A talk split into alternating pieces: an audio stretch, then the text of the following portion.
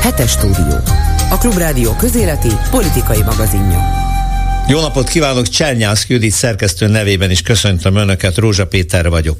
Minél jobban szorítja a hurkot a Fidesz a nem őt támogató társadalmi csoportok, szervezetek, politikai és civil formációk és a média nyakán, annál jobban mesztelené válik a király. Orbán ugyanis miközben a rendíthetetlen és magabiztos vezér szerepében tündökölteti magát, amiben az udvartartásra nyálazva asszisztál, lényegében azt üzeni, fél. A szuverenitás védelmi törvény elfogadása után az eddig sokat elemzett és értelmezett, így vagy úgy magyarázott, definiált NER kitette a pisztolyt az asztalra, hogy e találó megjegyzést kölcsön vegyen Flex Zoltán jogszociológustól, és ezzel el is árulta, nyíltan kimondta, megöllek, ha nem engem szolgálsz. A megölés egyelőre a jogszabály homályos fogalmi készlete szerint sokféle technikát rejthet, szabálytalannak talált pénzügyi tranzakciók, adócsalás gyanúja el eltitkolt támogatás, nemzetbiztonsági veszély, hazaárulás, alkotmányos rend megdöntésére irányuló tevékenység, és hát hoppá, ezzel már meg is érkeztünk abba a rendszerbe, amiből mintha kiléptünk volna 1989-90 fordulóján. De nem léptünk ki, illetve visszalépünk most. Végül is nagyon helyes, hiszen az Európai Unió ezt a barba trükköt értékelte, és egy papíron bemutatott a gyakorlatban egyelőre semmit sem bizonyított igazságügyi reformlépést elegendőnek talált ahhoz, hogy tovább finanszírozza a korrupt, az Európai Uniós pénzeket részben a nép elbutítására létrehozott médiabirodalom fenntartására, részben udvari pénzzsákjainak, vagyis az adóforintjainkból milliárdossá tett gazembereknek a további gazdagodására használja. Hát ez nagyszerű, nem? Orbán örömében két nappal a döntés után ismét magabiztosan mutogatott fityiszt a 26 EU-s ország képviselőinek, hogy azt mondja, a magyar gazdaság az uniós források nélkül is működik, de ha az ember pénzt kap, akkor nem kell elszaladni, mondta reggeli interjújában. Pedig egyébként meg elszaladt. Mégpedig éppen azért, hogy ezt a pénzt valóban megkaphassa. Ugyanis dacára annak, hogy hónapok óta ismét vétóval fenyegetődzött Ukrajna EU-s tagfelvétele ellen, most, hogy pénzt kap egy másik trükkjéért, kiszalad a teremből a szavazás elől elszalad-e másik döntés elől, amit szintén a 26-okra hagy, mert ha pénz van, akkor minden van. Alakoskodás, meghunyászkodás, árulás, önmegtagadás, törleszkedés, csak folyék a lé. Utána lehet ismét nagy szájjal azt hirdetni, hogy jó, jó, de meglennénk enélkül is. Hát legyünk optimisták, például várjuk meg valóban emelik-e januártól a pedagógusok bérét, amit mindeddig éppen arra hivatkozva vagy arra hazudva nem tettek meg, hogy az EU elzárja a pénzforrásokat. Mindenki számára világos, a tanárok és bármely más szakma bérét sehol senki nem a közösségi, hanem az illető ország saját költségvetési keretéből fizeti. Az EU-s pénzek konkrét közösségi feladatok megoldására lettek kitalálva. A most várható 10 milliárd euró például az energetikai átalakítás javításra, korszerűsítésre, település fejlesztésre és minden másra való, csak nem a bérekre, kastélyok, repterek vásárlására meg pláne nem. Vagy nem arra lenne való. Tehát majd meglátjuk. Önök a hetes stúdiót, a Klubrádió közéleti politikai magazinját hallják. Elsőként röviden, hogy mi mindennel foglalkozunk a mai két órás műsorban. Váratlan fordulatokkal teli fejezetet írt az Európai Tanács történelmébe Orbán Viktor, aki ismét mást mondott, mint amit végül csinált. A történéseket Inotai Andrással a Világgazdasági Kutatóintézet volt igazgatójával fogjuk körbejárni. Magyar unikum a Ratkó korszak, de a csok és társai is az, miközben a GDP 5%-a megy erre, ezzel arányos eredményt viszont nem hoz keveseknek ad sokat a kormány. A CEU Demokrácia Intézetének rendezvényéről Kárpáti János összefoglalóját fogják hallani. Igen, csak sok fejtörést okoz Dubajban és itthon is az energiatermelés hagyományos formáinak a felszámolása és az alternatívokra való áttérés. A fiatalok szkepticizmusát oldandó beszélgetünk Aszódi Attilával, a Budapesti Műszaki Egyetem természettudományi karának a dékányával. A polgári Magyarországért köreiben még mindig a 2006-os eseményeken rágódnak, és a VOK, illetve a Cancel Culture címen sikerült a kisebbségeket, az LMBTQ közösségeket kendőzetlen őszintességgel betámadni. Konferenciájukon mikrofon végre kaptuk Varga Judit volt igazságügyminisztert. És műsorunk második felében megbeszéljük a hét legfontosabb eseményeit, ezúttal Tamás Ervinnel, a Volt Népszabadság volt főszerkesztő helyettesével, kollégámmal Selmeci Jánossal és természetesen Bolgár Györgyel. Egyébként ezt a második részt megnézhetik a YouTube csatornánkon is. Hetes stúdió. Azoknak, akiknek nem elég a hallgatás öröme.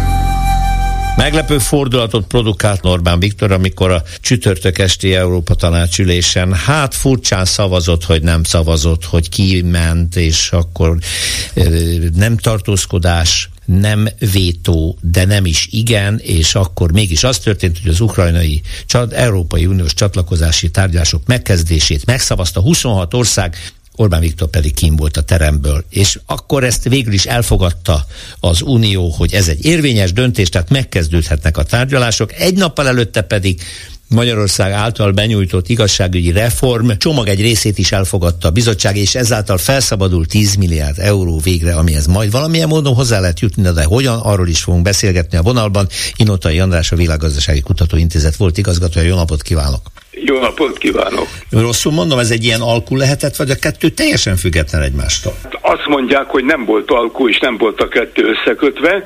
Ezt nem tudom, ezekhez belső információk kellenének.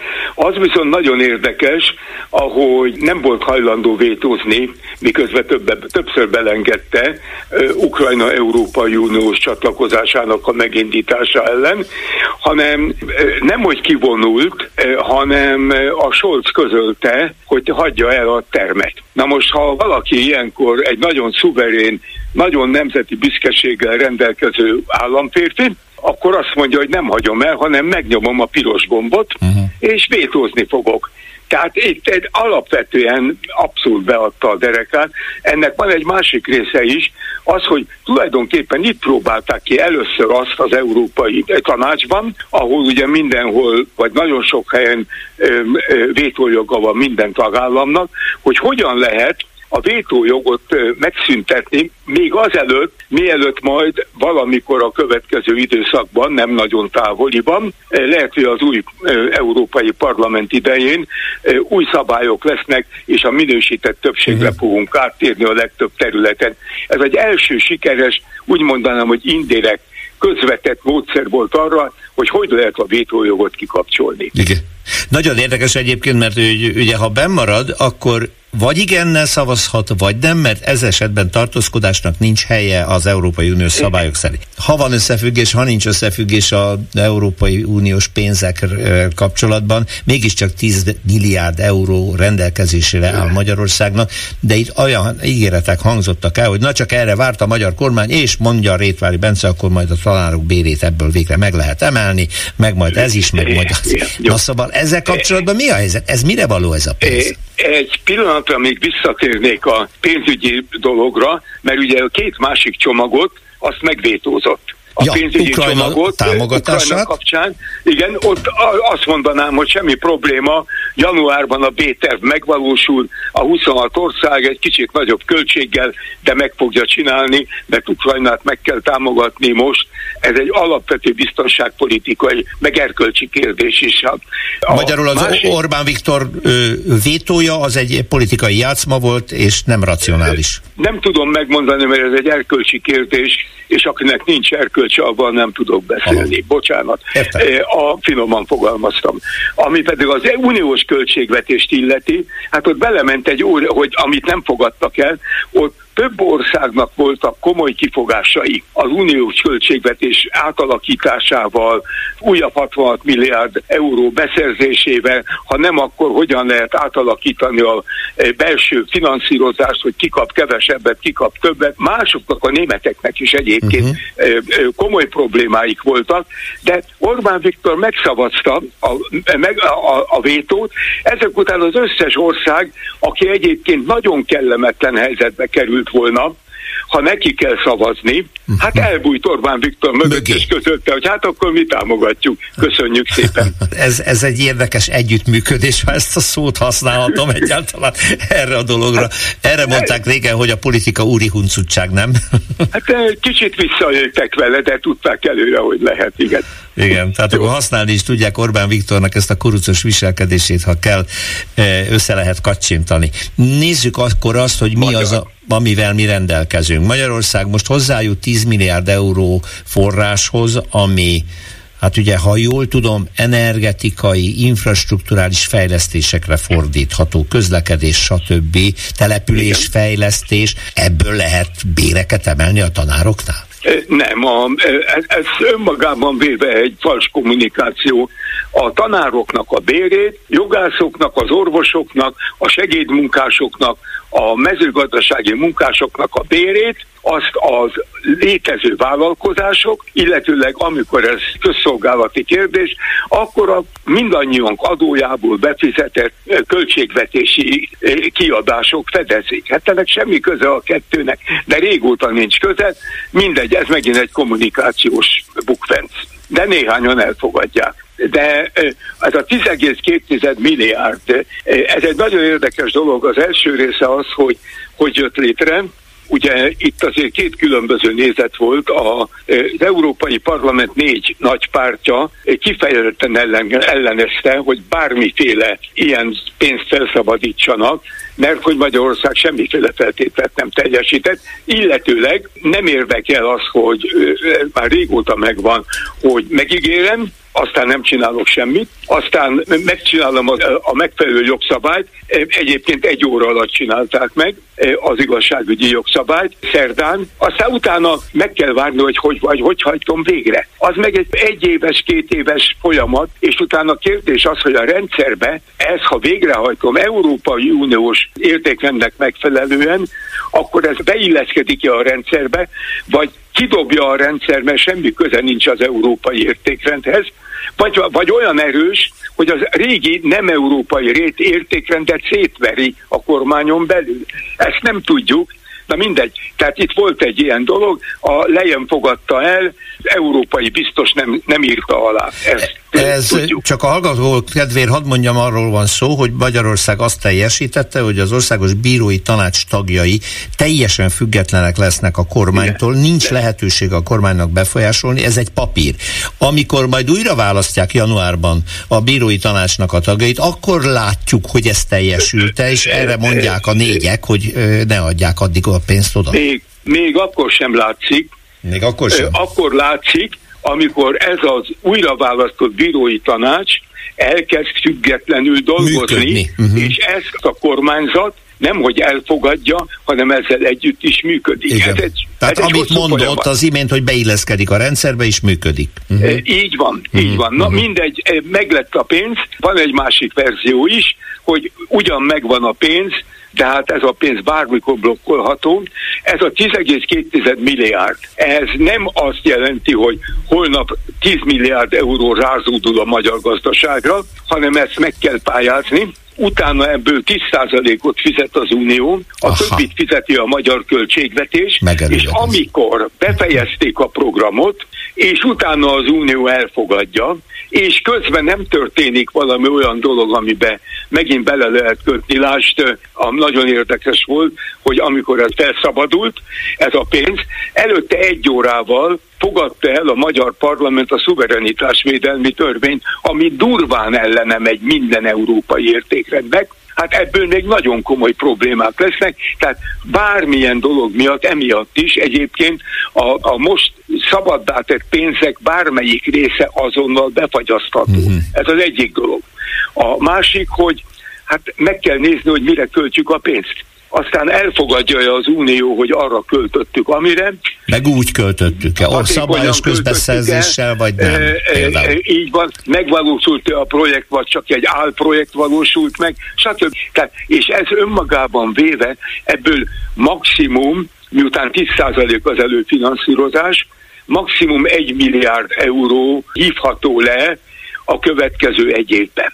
Aha, szóval akkor ez tényleg nem azt jelenti, hogy beömlött a pénz, és szabadon ez nem... Egy, ez, egy, uh-huh. ez egy politikai kommunikáció. Hát Bocsánat. ebből a szempontból örülök, meg sokan örülünk, mert a pénzfelhasználhatóságának további feltételei vannak, aminek vagy megfelel a kormány, vagy nem, és hát ez bizonyos kényszert jelent számára.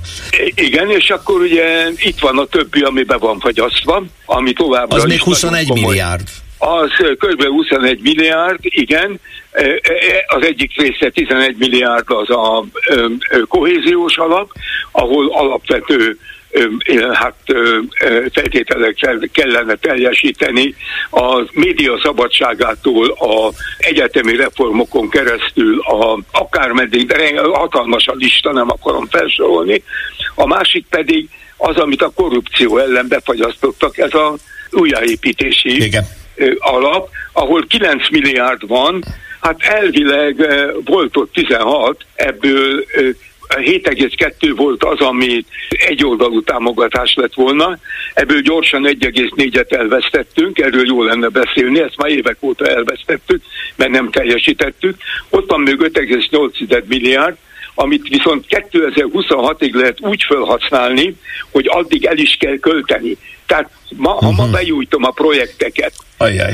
ha az 2006 végéig nem valósul meg, akkor, akkor ez a pénz is elveszik. Hát akkor... És volt ott egy 9 milliárdos hitel, amire két és fél évvel ezelőtt azt mondta a kormányfő, amikor elment Brüsszelbe, hogy ő ebből a pénzből nem kér, ez ugye nagyon igen, alacsony kamatozású, igen, aztán most már meg mégis kér. Uniós felté- garanciával, Európai Központi Bankos garanciával. Ebből mi nem kérünk, mert nem akarunk adós rabszolgaságba kerülni. Mégis rá Milyen, milyen feltételekkel vettünk fel hiteleket az oroszoktól, meg a kínaiaktól? Igen, Erről hát egyetlen mondat nem hangzik el, jó lenne megtudni. És jó lenne majd erről akkor újra beszélni, mert ezeket nagyon nehéz is megérteni, meg elég sokszor el kell tudni mondani. Nagyon szépen köszönöm, hogy a pillanatnyi helyzetet értékelte velünk az elmúlt percekben Inotai András, a Világgazdasági Kutatóintézet volt. Köszönöm, köszönöm szépen, folytatjuk. Viszontalásra.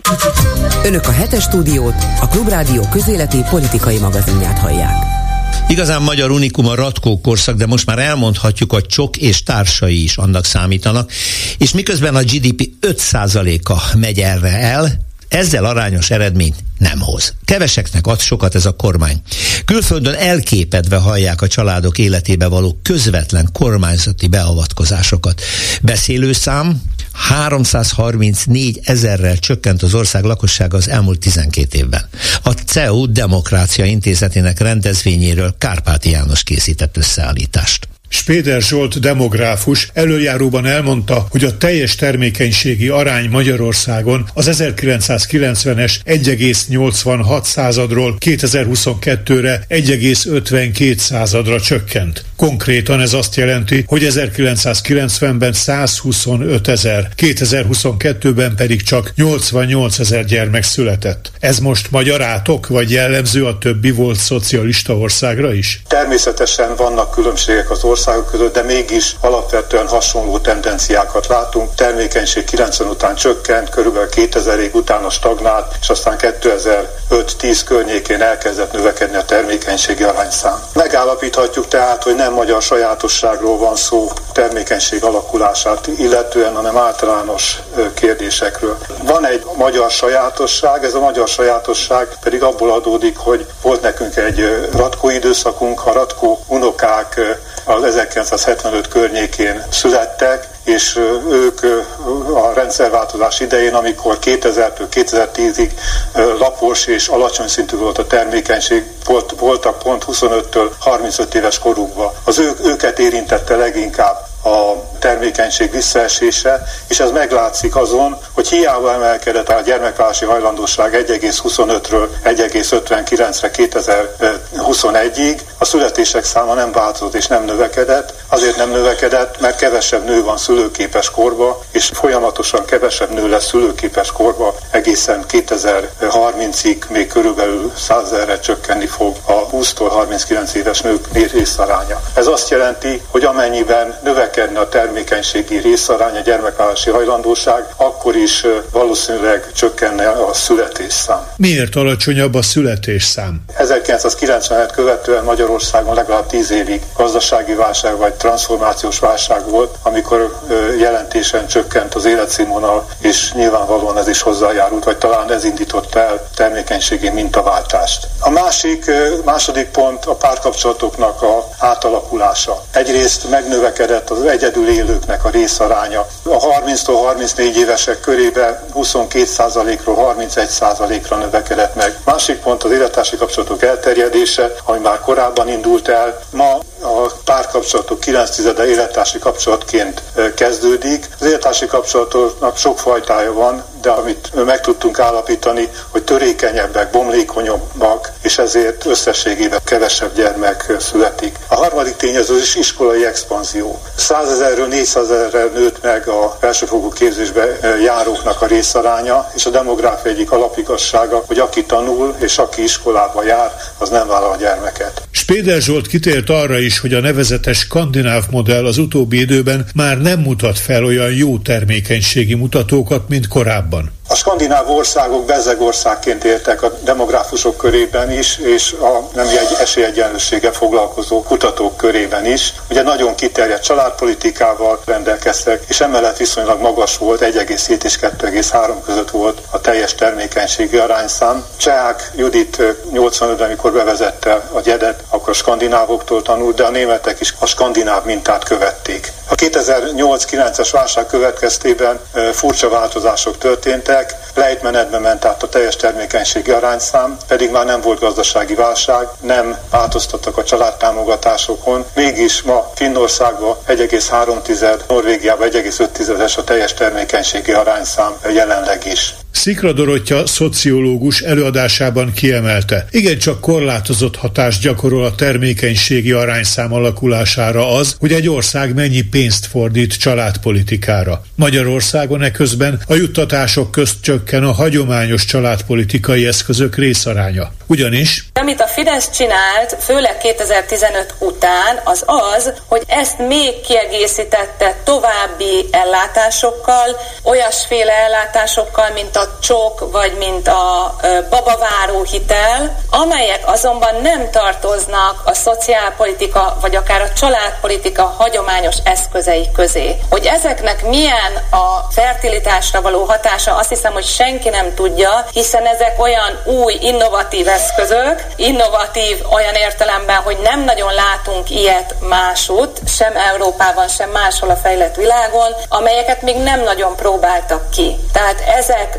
bizony ilyen értelemben drága és kockázatos lépések egyébként nagyjából 5%-ra tolja föl a teljes GDP arányos költést az a sok minden más, ami, ami itt még Magyarországon történt. A kutatónő rámutatott arra, hogy a célokat illetően alapvető szemléletbeli különbség van a hazai és az általánosnak tekintett nemzetközi gyakorlat között a családpolitikában, Kelet-Európában, de tágabban is globálisan, vagy akár csak a fejlett országokat figyelve egészen más céljai vannak, mint itthon. Az, hogy direktben befolyásoljuk a gyermek születések számát. Ez az utóbbi évtizedekben talán azt mondhatnám, hogy a 80-as, 90-es évek óta lekerült a napirendről a nemzetközi családpolitikai szintéren, és egyébként előtte se 70-es, 80-as években sem volt igazán jellemző már, hogy ez lett volna a családpolitikáknak a célja.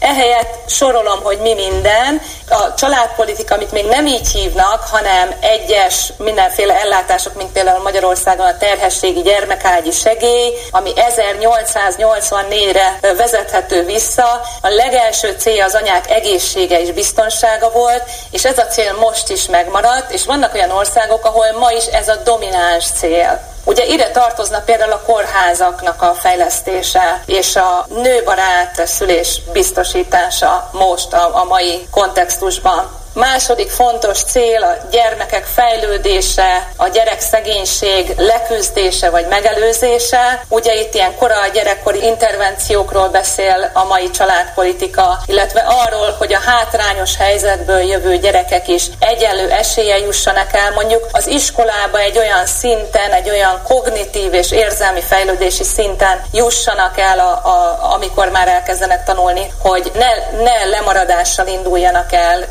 Harmadrészt a társadalmi egyenlőtlenségeket is szereti csökkenteni a családpolitika. Ezek lehetnek vertikális vagy horizontálisak. Vertikális alatt azt értjük, hogy a különböző társadalmi csoportok, a különböző társadalmi helyzetben lévő családok közötti egyenlőtlenségeket ö, csökkentse egy intézkedés. Erre példa lehet egyébként akár a családi adókedvezmény is, ami Magyarországon nem így működik, de hogyha van adó jóváírás az alacsony jövedelműek részére, az pontosan egy adórendszeren keresztül nyújtott ilyen vertikális kiegyenlítő mechanizmus. Ezt Magyarországon kivezették 2012-ben. Vagy horizontális egyenlős, egyenlőtlenségekről is beszélhetünk, amikor két egyébként azonos társadalmi helyzetű, de más demográfiai összetételű család között igyekszik a, a szakpolitika kiegyenlíteni a viszonyokat. Azt gondolom, hogy mai, mai magyar szociálpolitika ezügyben elég fontos lépéseket tesz nők és férfiak között egyenlőség növelése, a fizetett munka és a fizetetlen gondoskodó munka terén is. Ide tartozik például az apák szabadsága a szülés után. És utolsóként említem azt, hogy a mai nemzetközi családpolitikai diskurzusban nagyon sok szó van azokról a családokról, amik nem ez a bizonyos apa, anya és gyerek nukleáris, heteroszexuális család, hanem mindenféle más család, és az ő gyermeknevelési lehetőségeiknek a, a megkönnyítése. Tehát azt mondom, mondtam, hogy nem jellemző a direkt beavatkozás a gyerek számnövelésére, és ez ügyben Magyarország és Lengyelország kivétel. Hiszen Magyarországon úgy kap az ember hitelt, hogy azt gyerekkel fizetheti vissza. Amikor ezt bárhol külföldön elmesélem, akkor nagyon meglepődne, hogy ilyen létezik, hogy például a babaváró hitel esetében, vagy akár a csoknál, ugye, hogy ahogy megszületnek a gyerekek, akkor először felére csökken a visszafizetendő összeg, majd pedig teljesen elengedik azt, illetve nagyon komoly szankciók szankciók vannak akkor, hogyha a gyerekszületés nem valósul meg, illetve vállás esetén is. Az is borzasztó ritka, hogy házassághoz kötnének bármilyen ellátást, tehát ebben egészen különlegesek vagyunk. Tehát akkor összefoglalóan milyen az Orbáni családpolitika? Olyan, amelyik egy szép nagy torta, amiben nagyon-nagyon sok minden van, sokféle krém és tészta, ugye igazán komplex, talán a franciához lehet hasonlítani, ahol ennyiféle szülői szabadság van például, mint Magyarországon, egy gyes, gyed, gyet, és amit az Orbán rendszer csinált 2010 óta, az az, hogy ilyen szép marcipán figurákat helyezett a tetejére, ez lenne a csok, vagy ez lenne a babaváró hitel, ami kevés embernek ö, nyújt viszonylag komoly összegeket, komoly ellátásokat, tehát finom, ö, édes marcipán figurák keveseknek, és összességében ezek a bizonyos új típusú eszközök, ezek 2023-ra a költségvetési számok alapján meghaladják adják azt az összeget, ami a hagyományos családpolitikai rendszeren keresztül eljut az emberekhez. Keveseknek adnak sokat, ráadásul bankokon keresztül történik ez, és ezek a bankok ezek még jobban megszűrik azt, hogy anyagi szempontból a megfelelő családokhoz kerüljön a pénz. Lefelé semmiféle készpénzes ellátást nem fejlesztett a Fidesz, csak természetbeni ellátásokat, úgyis, mint például egyébként nagyon fontos ingyenes iskolai étkezés. Ebben a családpolitikában az apák szerintem láthatatlanok, és ö, úgy gondolom, hogy ha változtatnánk, akkor az valószínűleg nem tenne rosszat. Az apa szerep felfogását illetően persze a változás nem csupán intézkedések függvénye, hanem lassú társadalmi folyamat. Spéder Zsolt az előadásokat követő beszélgetésen minden esetre azzal a biztató hírrel szolgált, hogy egy felmérés szerint ma már nem ciki a kocsmában a pelenkázásról beszélgetni. Önök a hetes stúdiót, a Klubrádió közéleti politikai magazinját hallják. Nagyon sok ország elégedetlen volt a Dubai klímakonferencia határozatával, már ami a foszilis energiáknak ugye a hosszú távú kivonását e, vizionálta, persze nagyon finom megfogalmazással, és hát az olajállamok természetesen mind-mind tiltakoznak ellene, hiszen ebből élnek. Nagyon durván foglalom most össze a dolgot, de az biztos, hogy egy pozitívum van. Minden napi témává vált, hogy az energiával mit csináljunk, milyen forrásokat használjunk, áttérjünk-e napenergiára, mi legyen az atommal, stb. Egészen odáig, hogy ma már Magyarországon, hál' Istennek, háztartások is ezzel kezdenek foglalkozni, hogy na, anyuci, telepítsünk-e napelemeket, és akkor magunk ellátjuk. De nagyon bonyolult kérdésről van szó. Nem csoda, hogy hát minden fórumon komoly előadásokat lehet hallani. Ez volt tegnap is, az egyik előadás egy többi között ezzel is foglalkozott Aszódi Attila, egyetemi tanár, a Budapesti Műszaki Egyetem Természettudományi Karának dékánja is előadott, és itt van velem a vonalban. Jó napot kívánok! Jó napot kívánok, üdvözlöm! Ha lehet a big picture-rel kezdeni, a nagy képpel, hogy önnek mi a véleménye arról, hogy a Dubajban kiadott közlemény határozat, ami kilátásba helyezi néhány évtizeden belül az olaj és a gáz kivonását az iparból és a közlekedésből, ez egy reális dolog? Nem tudunk más tenni. A foszilis energiaordozókat le kell építeni, hogyha a széndiokszid kibocsátást ténylegesen vissza akarjuk fogni, és most úgy látszik, hogy egyre több ország ismeri ezt föl, és tényleg van egy nagy nemzetközi szándék elhatározás abban a tekintetben, hogy a foszilis energiaordozók tényleg kivezetésre kerüljenek. Van elem, emellett egy másik nagyon fontos fejlemény, amit én a Dubai konferenciából látok, hogy végre az, amit mi nagyon régóta mondunk, hogy a karbonsemleges energiahordozókhoz az atomenergia is hozzátartozik, tehát a megoldás atomenergia és megújuló energiahordozók együttes alkalmazása, ez egyre inkább felismerésre kerül, és hát most a Dubai konferencia mentén vagy azon tulajdonképpen 22 ország aláírt egy deklarációt, hogy 2050-ig a nukleáris kapacitásokat meg kell háromszorozni ahhoz, hogy a kibocsátási célokat ténylegesen teljesíteni lehessen. Tehát ezek szerintem nagyon fontos fejlemények, nem átütő eredmény, nem azt mondom, hogy minden megoldódott a Dubai konferenciával, de az, hogy karbonsemleges technológiák felé törekszünk, az ipart és a lakossági szektort elektrifikálni akarjuk, tehát egyre több elektromos energia felhasználás történik, és hogy beismerjük, felismerjük azt, hogy ezt az elektromos energiát karbonsemleges módon kell előállítani ahhoz, hogy a célok teljesüljenek, ez mindenképpen egy, egy nagyon fontos eredmény szerintem. Mi ezen a tegnap esti konferencián egyébként rengeteg mindenről beszéltünk, annan közelítettük meg, hogy a magyar energia stratégia mit is tűz ki célul, merre felé akar haladni, és hogy Magyarország tekintetében mi lehet a, a megoldás koncentrálva a háztartásokra is, hiszen hát mindannyiunkat azért is érdekel, eh, hogy a saját háztartásunk energiállátása az hogyan, hogyan biztosítható. Mennyire lehet egyensúlyban tartani úgy az egy ország energiagazdálkodását, hogy van, mondjuk Magyarország méretére beszélek, van egy paksunk, amit majd bővítenek az egy stabil energiatermelő erőmű, mert az alternatív energiatermelők azok nagyon ki vannak téve időjárásnak, meg egyéb viszonyoknak, tehát azok nem állandós, konstant értékben állítják elő az elektromos áramot. Ennek a kiegyensúlyozására jó és környezetbarát az atomenergia?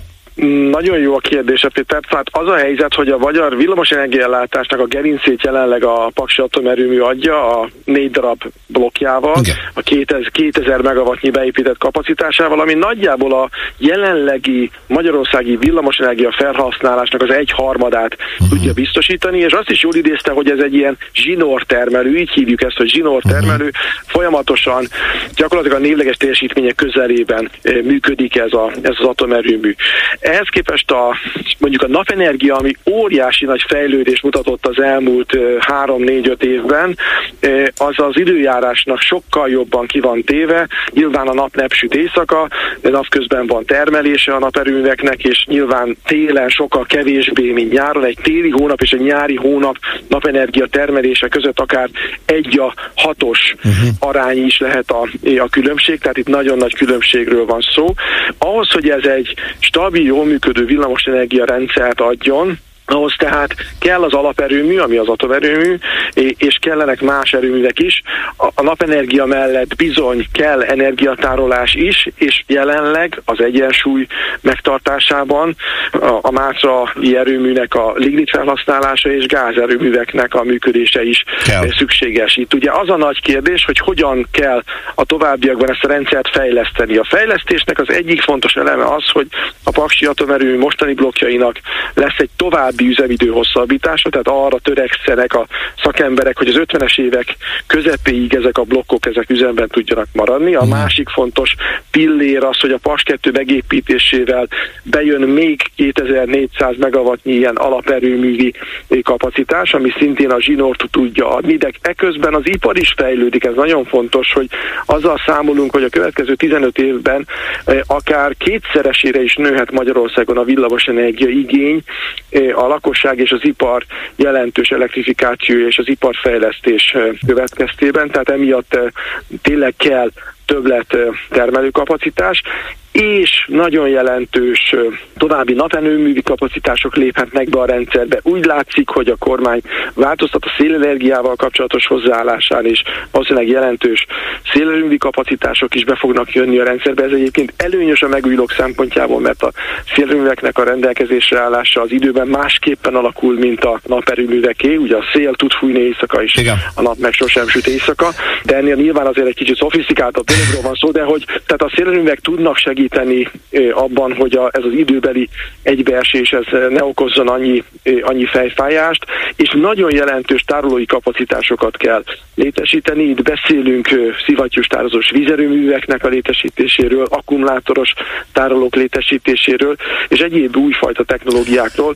Ezek összessége adhatja azt, hogy mondjuk 2040-re vagy 50-re elérünk egy olyan energiarendszerhez, ami ténylegesen sokkal kisebb széndiokszid kibocsátású, mint a jelenlegi. Ami a napelemet illeti, ugye most az új programmal a kormány arra ad hitelt, hogy úgy telepítsenek a házakra napelemeket, hogy egy akkumulátor, egy erre alkalmas tároló szerkezet is már legyen beépítve, és akkor azt kiegyenli. De a már a megnövekedett energiaigényről van szó. Van arra felmérés, és önnek valamilyen adata, hogy a készülő akkumulátorgyárak igen-igen magas elektromos áramigényét ki fogják tudni elégíteni, és mivel? Ez egy, megint egy nagyon-nagyon jó kérdés. Bizony itt egy jelentős energiaigény növekedés látszik, ez akár a 2000 megawattot is elérheti összességében ezeknek az ipari létesítményeknek a villamos energia igénye, ami ráadásul zsinór áramigény, tehát megint nem elegendő az, hogyha csak napközben tudnak termelni ezek a gyárak, hanem ezek éjjel-nappal működni fognak. Ezért valószínűleg az előbb elmondott erőműfejlesztések még mindent nem fogjanak tudni lefedni. Szó van arról, hogy valószínűleg az importról középtávon nem fogunk tudni lemondani. Ugye jelenleg is nagyon jelentős, 30% körüli a villamosenergia import, és ez valószínűleg meg fog maradni. Egyébként hogy, ezt több helyről vásároljuk, vagy van egy nagy partnerünk? Ezt nem is tudom. Hát, tudja, ebben, a, ebben az a legnagyobb kihívás, hogy nem is az, hogy melyik országokból jön, mert e, ezek Európai Uniós országok elsősorban, és ezek jó partnerek. A probléma valójában az, hogy az európai villamosenergia piacon az a felesleges áram, amit meg tudunk venni, az elsősorban fosszilis bázisú. Ja. Hát itt, itt, itt ez, ez a fogólap sajnos, uh-huh. hogy, hogy elsősorban szén tüzelésű erőművekből van az az áram, amit importálunk, és ezek nyilvánvalóan az előbben mondott intézkedések következtében nem fognak tudni tartósan a mhm. villamosenergia rendszerben. Ott, ott is át kell állni. Ott is át kell állni, nekik nyilván egyrészt a politikai döntések lesznek, amelyek kiszorítják ezeket az erőveket, másrésztről a széndiokszidnak az ára fog megemelkedni, ami gazdaságtalanná teszi ezeket a létesítményeket, úgyhogy nem lehet arra számolni, hogy ezek az importforrások mondjuk tíz éves távlaton túl rendelkezésre fognak állni, úgyhogy ezért kell nagyon komolyan foglalkozni ezekkel az energiastratégiai kérdésekkel. Még egy rövid kérdésre van, illetve egy rövid válaszra lehetőségünk, hogy ö, nagyon meglend, fellendül az napelem alkalmazása, elsősorban családi házaknál, társasházaknál mondjuk, ö, de azt mondják szakértők, hogy sajnos a hálózatunk, és a kormány is erre hivatkozott, amikor bejelentett, hogy nem nagyon tudja fogadni az ilyen kis erőművektől a megtermelt áramot, nem alkalmas a hálózat ezeknek a folyamatos kezelésére, befogadására, allokálására. Ez egy nagyon komoly fejlesztést igényel, nem?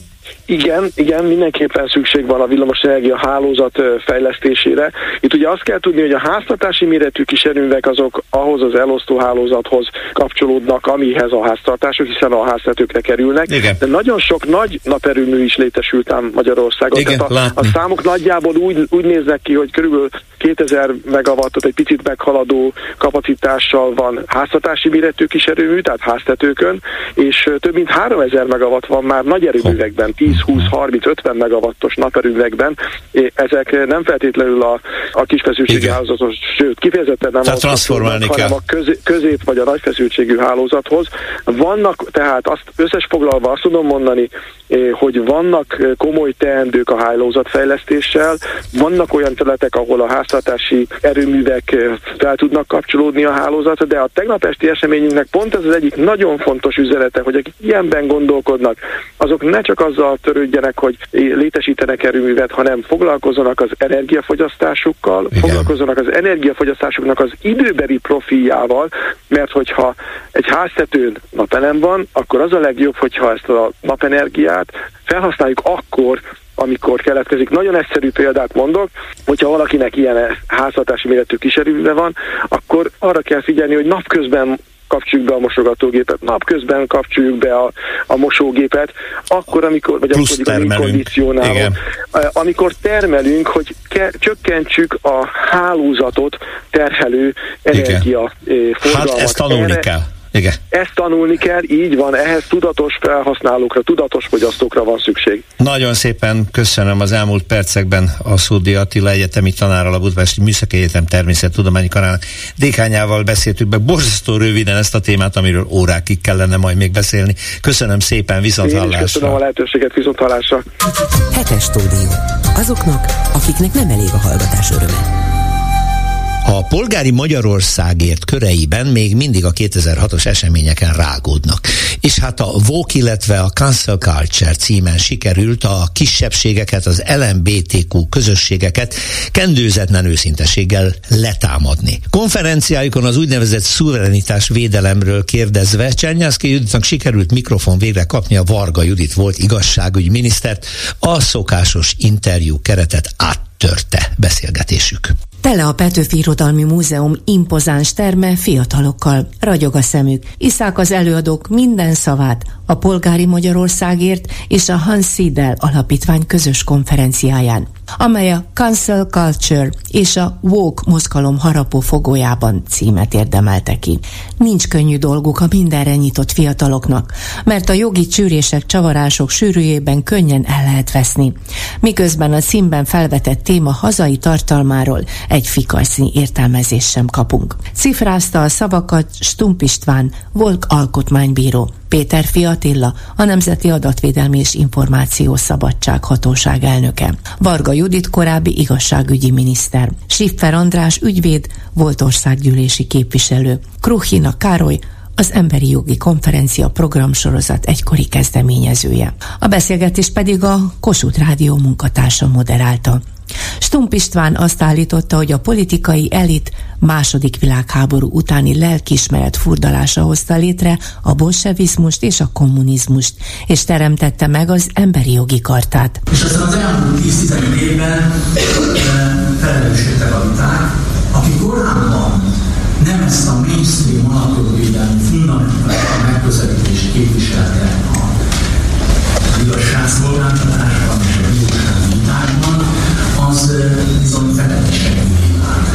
nem kevés időt szentelt annak, hogy magyarázza bizonyítványát, az alkotmánybíróságban végzett munkáját. A alkotmányok többsége rendelkező parlament az minden esetben az a döntést, ami kötelező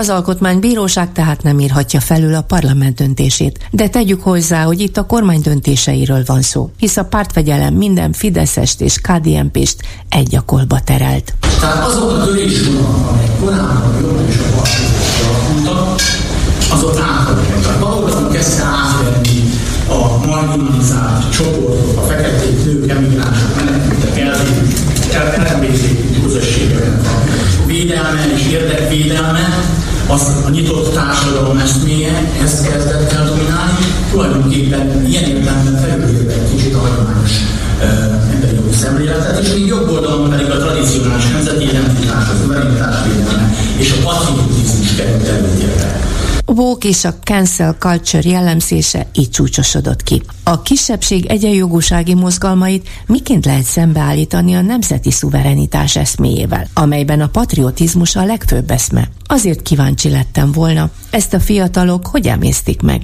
de ennek megvitatására nem adtak lehetőséget a polgári Magyarország képviselői.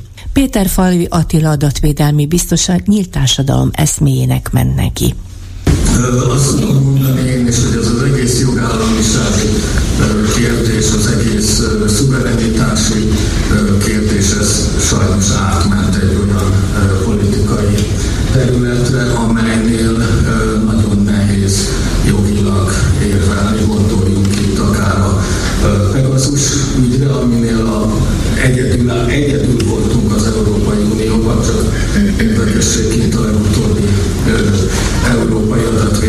Testületi ülésen, a kollégám még azt sem tudta megmondani, azt sem tudták kideríteni, hogy egyébként az ottani kémszoftvert ki alkalmazta, a magánszféra vagy az állam. Én több mint száz ügyet vizsgáltam egyedileg, minden rendben, mégse hiszik el.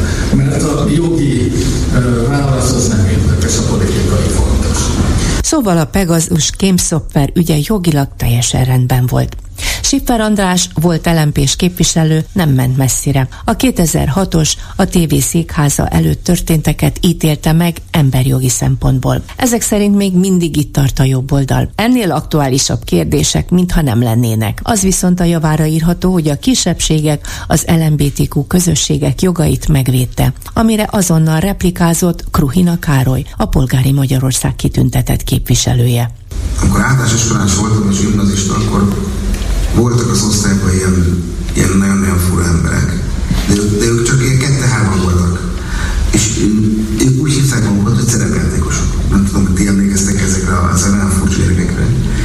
Most ezek, ezek a, az osztálytársaink, ezek nem értek velünk focizni, nem értek csirozni, nem értek pacimányosan, nem értek verekedni, hanem ők egy, ilyen, egy fantáziavilágban értek. És akkor ők azt játszottak, hogy mennek az erdőbe, és akkor fa, meg patakok voltak, meg bókosok, meg medvék, és akkor tényleg ez egy, ez egy vicc kategória volt, hogy fiatalok, de mondom, ez egy ilyen, az osztályok az 5-10 százalék, ezzel döntik ezt egyébként, hogy ilyen, ilyen fantázia világban él. És akkor, és akkor most eljött a 2023 hogy ezek a, ezek a szerepjátékosok, én nem álltam, hogy ezek a milliárdos globális örökökről az András beszélt most, most beléptek a, a reáliák világába, és akkor valóban ők azt mondják, hogy akkor most van fiú vagyok, vagy lány vagyok, vagy egy mikrofon vagyok, vagy akármi vagyok. És én azt gondolom, hogy az, az egy nagyon kívánatos állapot lenne, hogyha, hogyha ezek a, ezek a vókörültek, szerepjátékosok kifejező vókörültek oda visszakerülnének, ahol, ahol voltak a, a tanteremnek a sötét sarkába, ahol igazán vagy már nem senkinek, de, de, de úgy igen megtűnt állapotban voltak, és, és ott, ott jó helyen voltak a társadalomban is. A panelbeszélgetést kurtán lezárták, kérdezni nem lehetett, ami eltért a liberális demokratikus körökben szokásos menetrendtől. Pedig szerettem volna, ha a fiatalokban is felmerül egy-két kételj a hallottak után. Mellettem halad kifelé menet a teremből, Varga Judit, mikrofon végre kaptam. Az egy kérdésem lenne a szuverenitás védelmi törvényről, illetve az úgynevezett szuverenitás védelmi törvényről, hogy kitől kell megvédeni Magyarország szuverenitását. Nem vagyok egy jogi szakember, de az emberek között jövök, megyek, és azért azt hallom, hogy Oroszországtól kellene megvédeni, az orosz befolyástól kellene Magyarországot megvédeni, és ugye a kormány álláspontja szerint legalábbis, amit az Európai Unióban békepolitikaként hirdet, az pont politikai és nem gazdasági gazdasági válasz arra, hogy a szuverenitásunkat tulajdonképpen Oroszországtól nem védjük Minden, minden külső behatástól meg kell védeni a magyar szuverenitást. Mert ugye itt nagyon sokféle behatás létezik, és az a legfontosabb, hogy egy demokratikus folyamat van egy kampány, akkor abban csak a magyar emberek véleménye számítson, nem az, hogy kívülről sok pénzzel valakiket támogatnak, és onnantól kezdve aki fizeti. Miután visszakérdezek, kire is értendő ez a sok pénz, tisztázzuk. Felvenném az interjút. S a kérdező egy a szólás és véleménynyilvánítás szabadságával élő újságíró. És persze kimondom a kulcsszót is, a Klubrádió tudósítója. Az interjú előzetes egyeztetése nem véletlenül nem merült fel bennem. Hisz 13 éve gyakorlatilag egyáltalán nem nyilatkoznak az ellenzéki sajtónak a kormánytagjai, vagy ha mégis akkor a legfelsőbb körökből érkező utasítások alapján, szigorú protokoll és szűrész szerint. Én azonban Amerikában tanultam meg a szakma írott és íratlan szabályait. De egyébként így el, hogy például amit a Jurova akart, és én vele erről személyesen is beszéltem, ugye Jurova, Véra Jurova. Ja, igen. Van ez az In Defense of Democracy nevű, egyébként még meg sem hirdetett, de már visszavont tervezet. Az ugye pont ezt akarja, hogy az európai demokratikus folyamatokat ne tudják kívülről befolyásolni. Ugye ott az ő fejükben az volt, hogy a kínai meg az orosz befolyástól, azt mondjuk egyébként minden befolyástól legyen az például nagy nemzetközi akármilyen fizetett NGO-nak is a befolyása, mert ugye ezt az egyik parlamenti felszámolásomban is elmondtam, hogy csak azért van, akinek sok pénze van, attól még ne csináljon külpolitikát. Majd megválasztott, demokratikusan megválasztott kormányok csináljanak szuverén országokban külpolitikát. Igen, Tehát, de, és, de... és Európa is meg akarta védeni de... az európai demokráciát, és tudja, miért nem sikerült neki, mert rátámadtak a nagy nemzetközi NGO-k, és mondták, hogy ez nem jó, mert akkor nekik is transzparensé kellene válni, amit egyébként nem akarnak. És akkor teszem fel a kérdést a klubrádiónak, hogy mi a baj azzal, hogy mondjuk egy Transparency international azt kérik, hogy mindent valljon be, hogy kitől és hogyan kap támogatást.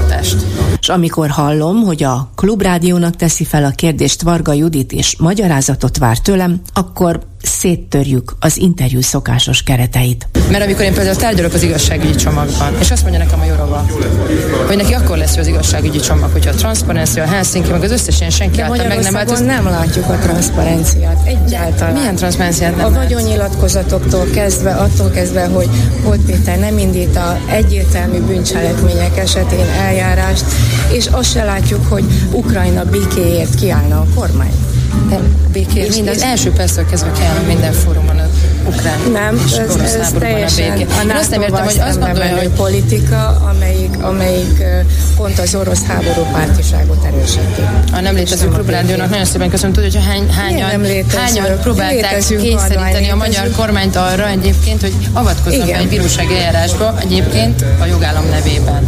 A jogállam nevében önök... utasítottam annó vissza, igen, hogy mit gondolnak, sajnos a jogállamot nem vették figyelembe, a klubrádió sorsát mert, mert egy, egyébként szocialista kormányok alapján kialakított precedens alapján döntött a hatóság is és a bíróság is. Hát nem, egyáltalán ez, ez nem. A jogállamot megsértve döntött a klubrádió sorsáról. van egy véleménye, ezt tiszteletben Igen, tartom, van. és ez joga van, és ezért is nagyon jó, hogy a klubrádiót is lehet hallgatni Magyarországon. Hát csak nem a, a hullámhosszon, és azt szeretnénk a internetes világban bárki el tudja érni ezt. De miért van az, hogy csak jobboldaliak kapnak hullámhoz? Ez, ez egy percepció. Hát ez az. Varga búcsúzik, de azért visszafordul, és arra kér legyek sokkal nyitottabb az ő véleményük irányába. És persze, hogy legközelebb jelezzem előre, ha interjút akarok készíteni. Mert ez meg lehet az én jogom is, nem? Hogy én szeretnék Abszolút valakivel beszélgetni egy le is után. Nem is akarom letiltani, csak a Lili Bayer csinált annó ilyeneket aki egyébként de, soha egyszer nem írt semmi jót a saját szól, hazájáról. Igen, de végig erről szólt a konferencia, hogy az egyéni jogok megvédése igen. és a szólás igen, és, és véleménynyilvánítás szabadsága. Menjünk fel, menjen fel az internetre, és napi szinten felmegy az internetre, 85%-ban engem gyaláznak. A nagy része rágalom. Én ha én, ha én, olvasni, ha én indítanék egyébként bármiféle eljárást, az, hogy megvédjem a saját jogaimat, mint családanyja, meg itt a nemi identitásomat is kikezdték, biztos, hogy elveszítettem volna mindent, mert annyira szabad a vélemény Magyarországon. Erről szeretem, hogy a klubrádió mondta, De maga mondta, hogy pontosan meg van védve a kormány és az alkotmány és a jogrend, a jogállamban. Az önök keretek biztosítva vannak, utána pedig minden. véleménye. Igen. De, hát akkor most ellentmondott de, a, de utána van egy bírói gyakorlat, és a bírói gyakorlat például azt mondja, hogy a politikusnak mindent is el kell viselni. Ami egyébként szerintem néha azért furcsa, főleg családanyagként. Hát nekünk amikor... is nagyon sok furcsa dolog van ebben a rendszerben. De gondolom azért tud boldogan élni ebben az országban. Nem. És miben, egy, gyere, miben? egy gyerekem sincs itt mert én is azt mondom, hogy nagyon sokan, hogyha elmennek külföldre és szerencsét próbálnak, azért nagyon hasznos dolog az országnak. Én is éltem külföldön tíz évet. És utána tudtam, hogy miért jó hazam van. Ezzel nem fogjuk tudni egymást meggyőzni. Efelől én sem hagyok kétséget. Tiszta szívemmel és dolgozom például, valamiért, önért is például, arra, amikor Brüsszelben megyek, hogy megszerezzük azt a 27 milliárdot. És amikor ott dolgozik két évben a minisztérium összes munkatárs, és azt mondják, hogy hát igen, de itt is de mi lesz még... azzal a 27 milliárddal? Hiába szerzik meg. Mi, mi lesz vele? Hát, hát nem, nem, jó úton nem járnak azok a Budapesten. Nem járnak jó Nézzem meg körül Budapesten. Az egy dolog. Erre is szerettem volna reagálni. A Láncidat a kormány még mindig nem fizette ki a fővárosnak. De Varga Judit hátat fordított, és indult a terembe, ahol pazar állófogadás várta a vendégeket. Hetes stúdió. Hát a stúdió második órájában, ahogy szoktuk, megbeszéljük a hét esemény. Hú, rengeteg minden van, nem tudom, hogy hogy jutunk dülőre. Itt van velem Tamás Ervin, a Népszabadság főszerkesztője. Volt Népszabadság, vagy hogy mondjam, megszüntette? Volt Népszabadság, volt főszerkesztő helyettese. Igen. Itt van velem Selmeci János kollégám, Szervusz János, és természetesen Bolgár György, és a slágertéma természetesen a csütörtök esti Európai Bizottsági Ülés, ahol végül is furcsa módon talán az Unió történetében, a kibővített Unió történetében először úgy szavaztak, hogy még soha nem, hogy az eddig mindig vétót Ukrajna európai csatlakozási tárgyalásainak megkezdését lehető tévé döntés elleni vétót Orbán hetek, hónapok óta hangoztatja, és ugye most azzal a módszerrel ért, hogy kiment a szavazás pillanatában, a bennmaradt 26 így egységesen tudott igen mellett szavazni, és akkor ő Nagyuri és Ervin és János szavazott, vagy nem? És ha igen, akkor mit, mit szavazott? Nem szavazott, ez egyértelmű. Ő, ő így akkor, el akkor ő nem akadályozta meg a döntést. Igen. Állítólag a német kancellártól van az Igen, hogy Scholz ajánlotta volna. Uh-huh. Hogy menjen a bót. Kávézni. nem szavazott, de ha szavazott volna, ugyanez az eredmény. Na ez, ez egy érdekes dolog, ugyanis ugye ezen a, ezen a döntési fórumon nem lehet tartózkodni, vagy igent nyomunk, vagy nemet nyomunk, és az sincs benne, hogy kimegyünk. Ha kimegyünk, akkor tartózkodtunk, én ezt gondoltam, de hogy nem akadályozta meg a döntést, akkor meg igent mondtam. Barba trükk. Jó, trükk, trükk, de azért ez egy óriási vereség volt Orbán Viktornak. Ha kicsit köznapi nyelven mondom, pofára esés. Ez, ez egy nagyon kínos dolog volt. Ő maga elismerte a péntek reggeli rádióinterjújában, hogy 26 másik tagállam vezetője megveszekedetten próbált engem meggyőzni csak úgy csendbe kérdezem, hogy és ez a Ficó, ez a, ez a régi új barát, még ez is, hát képes volt leállni ezekkel a gaz emberekkel, akik, igen, akik, akik mindenáron meg akarják akadályozni Putyint Ukrajna elfoglalásában. Hát nem is értem, Orbán se értette, úgy látszik. Tegnap, csütörtök reggel ugye megjelent egy, egy nagyon érdekes és sokat mondó fotó arról, hogy Orbán ül egy hosszabb asztalnál középen, jobb oldalán Macron francia elnök, bal oldalán Scholz, német kancellár, vele szemben Charles Michel uniós Európai Tanács elnöke és von der Leyen az Európai Bizottság elnöke. Olyan volt, mintha az egész beszélgetést Orbán irányítaná maga az elhelyezés is, pedig biztos van ennek protokollári szempontból valami értelme. Ki van a középpontban? Orbán Viktor. És hogy ez azért volt-e így beállítva, hogy, hogy jelezzék, hogy Orbánon sok múlik, vagy igen, vagy nem, vagy, vagy ő ért beessenek a szobába, és, és tipis topi, ez az én ezt nem tudom. De, de a hát, lényeg... Ha mindenki más fotóját igen. megnézd, lehet, hogy mindenhol úgy tűnne, hogy épp az van. Nem, nem, a, a középen ő ült, ugye három volt az egyik oldalon, középen ő ült, másik ugye az uniós vezetők, az a másik kettő vele szemben. Ez és tényleg csak, róla csak annyit akar, igen, abszolút csak ennyit akarok mondani, hogy róla szólt, és nyilvánvalóan az utolsó másodpercig megpróbálták őt meggyőzni, és úgy látszott csütörtök délelőtt, hogy Orbán irányít. Az fog történni, amit ő akar, és nem az történt.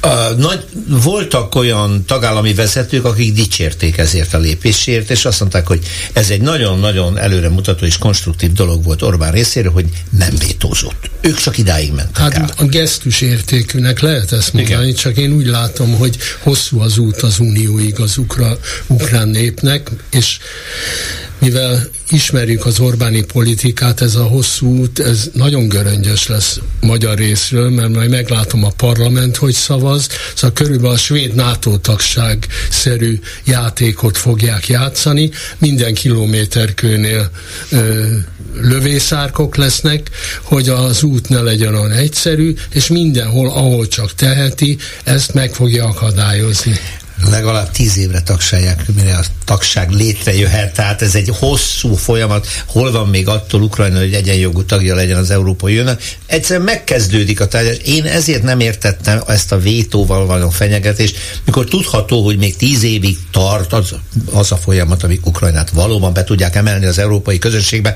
Ezt a tíz évet is meg akarjuk spórolni, ezt is el akarjuk vonni Ukrajnától. Ennek mi értelme lett volna? Nem tudom, hogy hány évet adtok Orbánnak, meg hogy ő most 2030 hánynál tart éppen, de azt hiszem, mire Ukrajna az Európai Unió tagja lesz, Orbán Viktor már nem lesz miniszterelnök, és nem az ő parlamentje fog majd erről végül dönteni, de az kétségtelen, hát erről ő is beszélt, és ezzel fogja most magyarázni, hogy miért fogadta végül el, vagy ment ki, és nem akadályozta meg ezt a döntést, hogy hát majd, hogyha nekünk valami nem tetszik, akkor le fogjuk szavazni, nem csak mi fogjuk leszavazni feltetőleg a következő évtizedekben néha majd ennek a ennek a csatlakozásnak az előre jutását. Azt szerintem nem fogjuk megtudni, hogy amikor Orbán Viktor odament erre a tanácsülésre, akkor ő már tudta-e azt, hogy vissza fog lépni a végén ebből a vétófenyegetésből, vagy arra számított, hogy lesz majd néhány olyan politikus, akár az osztrák kancellár, akár az olasz miniszterelnök, aki, aki mellé áll egyben akár, akár Ficó, aki mellé áll, és együtt valahogy le tudják szedni ezt a napirendről, ezt nem tudom. Én inkább, én inkább arra tippelek, hogy azért volt egy ilyen forgatókönyv fejében, hogyha egyedül marad, hogyha ez nagyon fontos lesz, és úgy tűnik, hogy ez a inkább szimbolikusnak nevezhető gesztus most nagyon fontos volt az Európai Unió vezetőinek, hogy ne ígjenek meg nagyon azzal, hogy le kell szedni ezt a napirendről, és még ezt se tudjuk Ukrajnának most odaadni, majd beszélünk a pénzről, hogy egyelőre azt se tudjuk. Az igazság az, hogy sokkal nagyobb sajtója van Orbánnak, mint ha vétózott volna. Olyan nem, rendhagyó lépés nem, volt. Nem, nem, nem, most épp nézem a BBC híreit. Ja, csak második, nálunk? Aha. Igen, második helyen van, ugye a Harry Herceg pernyerése volt az első, de, de mindegy, és ez a BBC második helyen szerepel az, az hogy is megvétózta az 50 milliárd eurós meg. segély, támogatási csomagot Ukrajna Ukrajnának. támogatását viszont Tehát, megvétózta. Ha megvétózta volna Ukrajna csatlakozási tárgyalásainak megkezdését, akkor az lett volna a második vagy Aha. első helyen, mint ahogy ez a nem vétó, hanem elsomfordálok a folyosóra leszegett fejjel. Ez meg mindenhol tegnap este végig söpört az egész világ sajtón, nem ezt várták, és szerintem Orbán sem ezt várta. Gondoljatok bele abba, hogy Ugye egyrészt a politikai igazgatója, aki nyilván az ő magyar hangja, Orbán Balázs, a Bloombergnek azt nyilatkozta talán szerdán, hogy, hogy a, a költségvetési támogatás, annak a megnövelése ügyében lehet kompromisszumot kötni. Ha megkapjuk mi az Unió visszatartott támogatásait, akkor hozzájárulunk ahhoz. Nem mintha a kettő között kapcsolat volna, de mégis, mondta ő. Egy vörös vonal van, a csatlakozási tárgyalások megkezdése. Ezt a szót használta, hogy vörös vonal. Igen, még, a, még, még szerd, egy nappal korábban. Még csütörtökön reggel, amikor Orbánt egy csomó külföldi újságíró mm-hmm. várta Brüsszelben, ő is azt mondta, hogy egy dologban nem engedünk, az az Európai Uniós csatlakozás, mert Ukrajna nincs felkészülve, mert az előfeltételek közül semmit vagy többet nem teljesített, és így tovább, és így tovább. Nem hiszem, hogy ez lett volna a fejében, hogy én az utolsó pillanatig azt mondom, hogy nem, nem, nem, majd szépen csendben kisunyogok. Lehetetlen. Akkora volt a nyomás, hogy nem tudott ezzel ellen mit tenni, ez volt a legkisebb veszteség, és meg hely, helyébe, cserébe azt mondta, hogy nehogy azt higgyétek, hogy bármit meg lehet velem csinálni, megvétózom a másik kettőt. De az orosz szankciókat, a 12. Azt csomagot nem vétózta meg. Azért az fontos szerintem, hogy Orbán Viktor ott vétózott, ahol ki lehet kerülni, hogyha nagyon Igen. muszáj, majd beszéljünk arról, hogy kinek lehetett még esetleg ez a vétó az érdeke, nem tudjuk. Ott viszont, ahol nem lehet kikerülni, tehát ahol mindenképpen szükség volt rá, ott nem vétózott. És azt hiszem kivételesen az Unió vezette ezt a meccset, mert én majdnem biztos vagyok benne, hogy Orbán az ülés előtt még nem tudta, hogy így fog cselekedni, tehát olyan szakító próba elé állították, és azt megérezte, hogy e, ez nem pávatánc lesz, hogy nem akart egy ilyen helyzetben hogy mennyire kell a pénz mondjuk. Nem akart egy utolsó állomást ahhoz, hogy esetleg majd a, tényleg a szavazati jogát vegyék majd el Magyarországnak. Magyarul mert, vele nem, hát, Tartott attól, hogy ez már nem jól sül el, ha vétózik? Tartott attól, hogy ez, ez, ez uh-huh. máshol is vörös vonal, nem csak nála. Amit János mondott, avval kapcsolatban Inotai András a műsor első felében azt mondta, hogy több állam nem értett egyet az, ukrajnai pénz tehát az Ukrajna támogatásával, ebben a formában és ilyen módon, és nagyon örültek. Tehát, hogy költségvetésbe tennék bele. Belevennék a költségvetésbe, és nagyon örültek, hogy Orbán vétózik, mert ők akkor tartózkodással szépen a háta mögé állva azt a döntést is sikarták ki, amit ők akartak. És nem nagyon ütik most Orbán Viktort, és hogyha azt gondoljuk egyébként, hogy ő tényleg meg akarta vétózni a csatlakozási tárgyalások elkezdését, és ebben meg tudták akadályozni, erről le tudták beszélni, akkor valószínűleg, ha nagyon akarják, le tudták volna beszélni arról is, hogy ezeket a forrásokat megvétózza. Főleg, hogy azért a végére elég letekerték, tehát ilyen 60 milliárdról indult, aztán valami 20 valamennyig már a tárgyalások során ezt levitték. Hát ugye mondják, hogy a németeknek nincsen költségvetésük, januárban tudják majd elfogadni a jövő évi költségvetésüket, és hát utána fognak érdekes módon pont erre a kérdésre visszatérni. Hát a Skandián tényleg sok ország egyrészt, másrészt azért e, azt is vegyük figyelembe, hogy az Unió erre számított erre a vétóra. Igen, Tehát igen, igen, igen. Én majdnem biztos vagyok benne, hogy jönnek az új jövőre az újabb futamok, újabb alkuk, újabb számok, amikhez esetleg felsorakoznak azok az államok, amelyek eddig tiltakoztak, mert egy olyan kompromisszum köttetik, és ha ez a kompromisszum megköttetett, Orbán is ott lesz a kompromisszumot javaslók között. Hogy mégis miért volt fontos ez a mondtad Péter, hogy szimbolikus döntés a, az ukrán csatlakozási tárgyalások megkezdéséről, mert néha a szimbólumoknak fontosabb szerepük van, mint a konkrét eurómilliárdoknak. Mindig azt hiszük, hogy minden az eurómilliárdokon múlik, minden a pénzügyi támogatáson, a fegyverek, nagyon sok, igen, igen, biztos. Uh-huh. És ebbe De a szimbólum is a, a, a, a szimbólum. Igen. Ebbe az ügybe beleállt mindenki, és ez, ez valóban olyan helyzet volt, hogy a, a szimbólum erősebb, mint bármely, bármely politikai fogás. Tehát itt, itt annyira megkeményeztek az álláspontok, hogy nem, le, nem lehetett valami e, ügyes trükkel mellé állni a döntésnek, bár ezzel mellé áll természetesen a maga módján.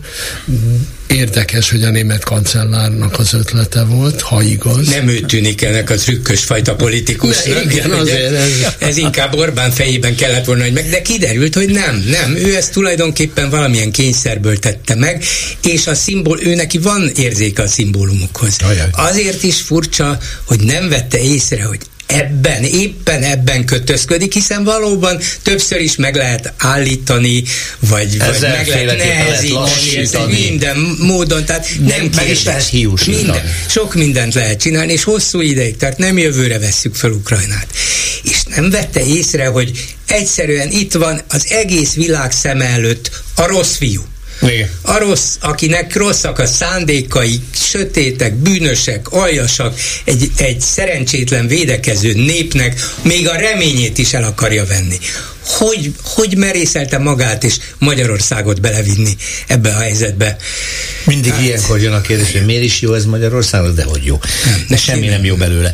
Mint De még Orbánnak se jó. Egyébként ez valószínűleg, még hogy neki sem. Szerintem még itthon sem. Én mindig meg szoktam itt hirdetni a Európér Orbán Viktor fordulatnak eljött az ideje, és akkor mindig elmondom én is, hogy mennyivel logikusabb döntésnek tűnik egy csomószor tényleg beleállni valami közös döntésbe, hogy aztán amikor valami tényleg fontos és nem tetszik, akkor annak ellen lehessen állni. Nem ezt választotta most nem. sem. Nyilván neki, mint általában szokott lenni, az az elképzelése, hogy hosszú távon igaza lesz, hogy Ukrajna Ukrajna veszíteni fog, és akkor ő fog majd ott állni egyedüliként, aki már tavaly előtt is ezt mondta. Még egy gondolat a szimbólumokról, ez tényleg egy erős szimbolikus döntés, de azért azt hiszem az is benne van, hogy az Európai Unió nagyon mást nem tud adni. Fogunk majd adni pénzt, ahhoz nem eleget, hogy Ukrajna megnyerje a háborút, ahhoz, hogy Ukrajna jelentős területeket visszafoglaljon, megint csak nem eleget.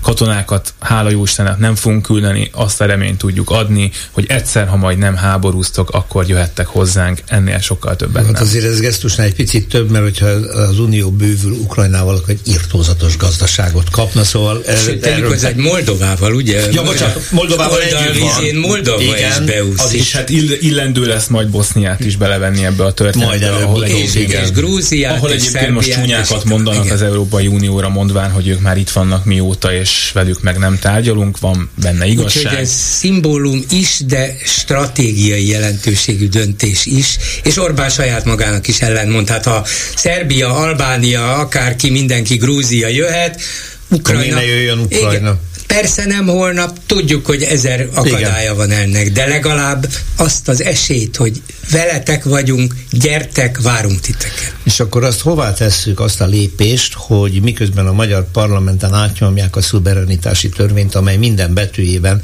nem csak az európai normáknak, meg az uniós szabályoknak, meg alkotmánynak, meg anyámkínja mindennek ellentmond, közben meg megszületik a barátságos döntés, hogy jöhet a pénz, tehát, és akkor megint megkérdezem, hogy egy szuverenitási törvényre, majd a pénzről is beszéljünk, miért van szüksége a Fidesz rendszerének, amikor kétharmada van, a teljes média a kezében, a teljes magyar gazdaságon rajta tartja a, a kezét, a teljes államigazgatás erőszakszervezetek nagyon szépen képített hálózatával rendelkezik, akkor ez meg miért kellett?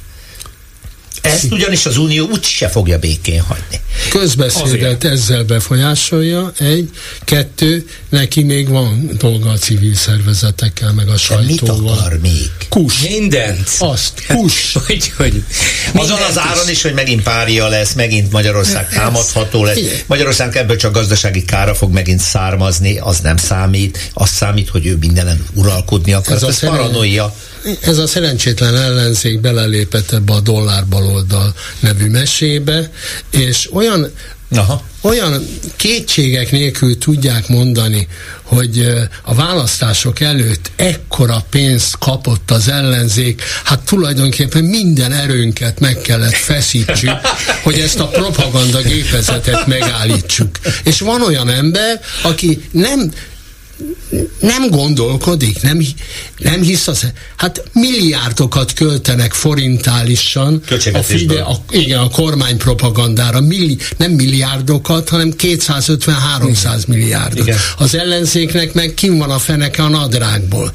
Na most hogyan győzhet egy ilyen elszívó berendezés mellett bármikor az ellenzék, amikor választási körzeteket át, át ö, ö, szabnak, amikor a, ez a civil szervezeteket, e- a sajtójukat pénzzel tömik, szponzorok, nagyvállalatok pénze ömlik oda, akkor miért, szóval miért olyan nagy baj ez a azzal együtt, hogy hülyén volt megcsinálva, hülyén volt előadva, még a védekezés is hülye volt ebbe a dollár ö, baloldali mesébe, de hát senkinek nem jut eszébe, hogy itt Tehát Ervin u- ugyanúgy nem tudott mit kezdeni ezzel, mint amikor a parlamenti választás előtt ugye szerencsétlen Márkizajnak azt az egy mondatát fel lehetett használni, hogy katonákat akar az ellenzék küldeni ukrajnai frontokra. Szó sem volt róla. Ugyanezt történik. Ugyanezt történik. És akkor mit csinált az ellenzék ezzel? Nem találta a fogást. Védekezni kezdett, Mondta, ami... mondta, hogy Mondta. nem, nem, de hogy Ja, is. hát igen. De mit számított hát? És most ugye az ász ö, ritka szigorral odacsap minden ellenzéki pártnak, Igen. még csak nem is nivellál a büntetéssel. A kérdésedben benne volt a válasz egyik része, a szuverenitásvédelmi törvény. hogy milyen kérdéseket tesz hatóság föl ez a arra, rózsasugal. arra kell, hogy az Európai Unió kötelezettségszegési eljárást indítson Magyarország ellen, ami évekig fog tartani, és addig lehet mondani, hogy a szuverenitásunkat még a szuverenitásvédelmi törvényünkön és hatóságon Értelek keresztül is támadják. lehet sűrni, csavarni sokáig, de mégis felteszem az alapvető kérdést. Ez Magyarországnak hátrányos, ez magyar népnek rossz, ez Magyarország egészének, politikailag, gazdaságilag, minden tekintetben rossz. Meddig lehet a közjó ellen menni a rosszal? Mi a fenének? Mi kell még neki? Száz évig. Filozófiai a kérdés. De mit, mit, mit, mit értesz az alatt, hogy rossz? Szóval mire gondolsz? Hát Milyen az, óriási azt, kára van ebből az országban? Jelentős kára van. Ha azt a gazdasági kárt számolom, hogy ebben az országban hány embernek a helyzete lehetetlenül el. De nem emiatt. Is. Az emiatt a politika, is, amit ő hogy több gazdag... mint egy millió magyar dolgozik már külföldön ha csak ezt számolom, és amiatt, és pontosan lemérhető, hogy a Fidesz berendezkedésével exponenciálisan nőtt a külföldre távozó, távozók száma, óriási gazdasági potenciál ment ki Magyarországról, hatalmas szellemi potenciál ment ki. Minden ilyen lépés, ami a diktatúrát erősíti, ami elnyomás, ja, bocsánat, azt mondja Fleck Zoltán, hadd idézzem őt, hogy ö, Orbán kirakta a pisztolyt az asztalra ezzel a szuverenitásvédelmi törvényel, bemutatta, hogy mostantól kész, most mindenkit megölök.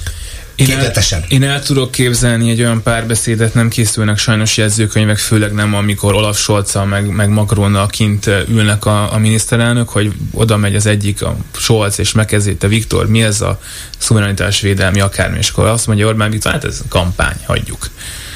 Én Tehát látják, kampány.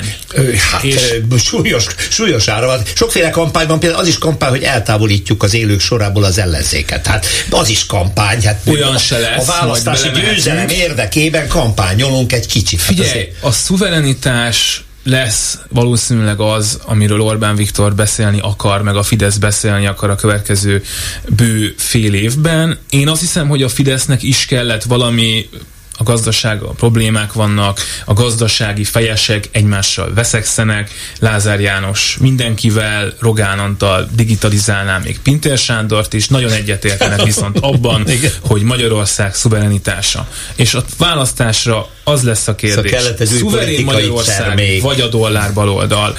És ezt fogják játszani, be fog menni a hivatalnak a, a vezetője az 5 millió fizetésével a köztelevíziótól, mindenhova ott el fogja mondani, hogy nagyon megvizsgáljuk, és nagyon megvédjük. János, nem ez a baj. Az a baj, hogy akikről, akikről te beszélsz, e, Szuverenitás Védelmi Bizottságnak, vagy nem tudom minek a tagjai, azok be fognak menni az ökotárshoz, bemennek hozzád, bemennek bárkihez, bejönnek a klubrádióba, bemennek a függetlenül működő sajtó szerkesztőségeibe, jogosultak megnézni a pénzügyi a személyi adatállománytól kezdve mindent. Tehát milyen országgá válik ez? Ez, ez, ez nem kampány. Rendőrállamnak hívják, ezt csak mondom, hallottunk már ilyet, csak láttunk is. Én egy jelentősebb összegben majd, ha kimegyünk, jó, nem olyan nagyon jelentősben, de azért egy közepesben fogadnék, fogadnék veled abban, hogy a bullshit hatósághoz sokkal közelebb lesz majd ez a végén, mint, a, mint az érdemben szankcionáló. Nem, nem, és nem, sajnos a... nem, majd én azt várjuk pontosan levezet, hogy ilyen jogosítványokkal mire képes egy ilyen bármire, hatóság. Ez bármire ez, jó. Ez, Tudnék, fenyegetésre mindenki. És péntek reggel ebben az Orbán féle rádiós interjú, interjúban, nyilatkozatban, kinyilatkoztatásban azért nagyon fontos dolog hangzott el a miniszterelnöktől, bár néhány héttel ezelőtt Varga Judit a parlamentben felháborodottan kikérte magánk, hogy a médiára ez nem vonatkozik de ő már nem miniszter. Gulyás Gergely viszont még miniszter, és ő is azt mondta, hogy hát kifejezetten ez nem szól a médiáról. Mit mondott péntek reggel Orbán Viktor?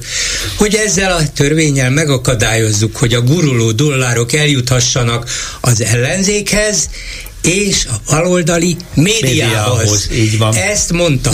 Igen. Miután ugyan a média szó nem szerepel a törvényben magában, a sajtó nem szerepel, de a közvéleményt befolyásolni képes ilyen-olyan szervezetek közé, intézmények közé, entitások közé beszámítható. És miután kellően obskurusan van megfogalmazva a törvény, gyakorlatilag minden külföldi támogatás egy nyomorult, guruló, vagy éppen papírként zörgő dollár is számít, számíthat olyannak, amire azt mondja ez a törvény, hogy ez törvénytelen, ez hazaárulás, ez, ez a szuverenitás. És megvannak az emberek Igen. ehhez, ennek kimondásához. Szóval én amikor előbb azt mondtam, hogy milyen hatása van, nem erre értette, uh-huh. félreértette, hanem uh-huh. azon a szűkösvényen, ami unió ja, ö, vezet. Mert az, hogy a oktatástól az egészségügyig, a közjótól az elszegényedésig itt milyen problémákkal küzdik, és hogy az embereknek egyre ö, szűkebb a perspektívikus lehetősége, és aki csak tud, az akár már gimnáziumba is máshova járatja Igen. a gyerekét, ez, telje, ez, ez, ez iszonyú kár. Én arra gondolok, hogy az Unió mivel bünteti ezt az országot. Most kapta, kapnak egy kis pénzt, fognak kapni. Az az egy fegyverük van, hogy, hogy, hogy há, hány ö, csalást fedeznek föl, és hogy milyen ütembe adják a lóvét.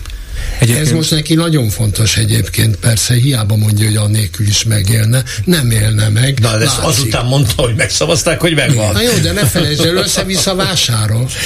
Miközben kim van a fenek az országnak a nadrágban, a pedagógusoknak nem lehetett pénzt igen, adni, igen. megvesz a reptértől a gyesevig mindent meg igen, akar venni. Igen, igen, igen. Hát senki nem teszi ez fel a, a Ez a válasz a kérdésedre, hogy mit akar még? Mindent. Mm-hmm. Minden, még, minden még nem az övé. De hát Artur a klubrádió még nem az övé. Már egyszer. Jó, jó, de mindig jönnek az újabb és újabb Arturóik, mert a történelem olyan, az emberiség olyan, hogy jönnek az újabb és újabb tragédiák, utána mindenki, aki élve marad magába száll, hogy hát, hát ez borzasztó, ilyet többet nem, és akkor néhányan le is vonják a tanulságot, majd eltelik néhány évtized, és kezdődik minden előről. Az ökotársat emlegetett, bocsánat, csak még egy gondolat, igen, Orbán Viktort annak idején is, amikor akkor ott elkezdték a norvég pénzek miatt abajgatni szegény civileket, az volt a baja, hogy van valamennyi pénz, amit eloszthatna ő is, de helyette ezek a fura zöld civilek a saját zöld meg jogvédő barátaiknak odaadják, és akkor ez a pénz most ugye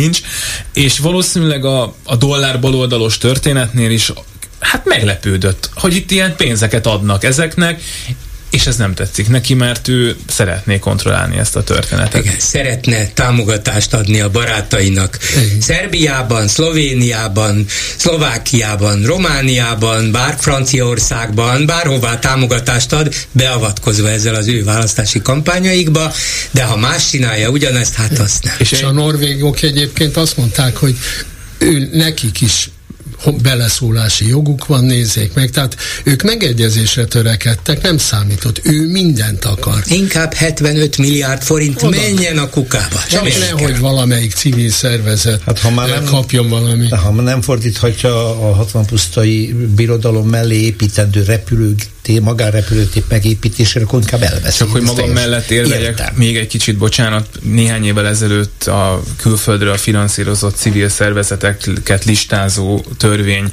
ennek a súlyos következményeire mindannyian emlékszünk azért, hogy nem voltak. Egyébként ezt a törvényt azóta az Európai Bíróság már mondta, hogy ezt nem szabad, és akkor most helyette van valami másik törvény, persze, még ezt a persze, listát aztán persze. idővel levették az internetről. Én továbbra is azt gondolom, hogy amíg az Orbán kormánynak amúgy nincsen problémája azzal, hogy minden választás nagyon megnyer, addig különösebb oka nincsen arra, hogy a mostaninál jobban abajgasson civil szervezeteket, meg baloldali pártokat.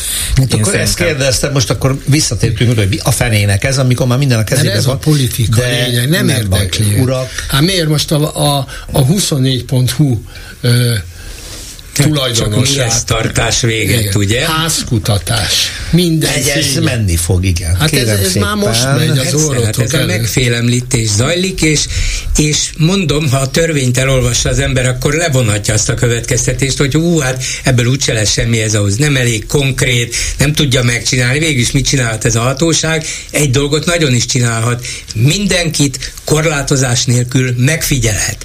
Mindenféle adatát begyűjtheti.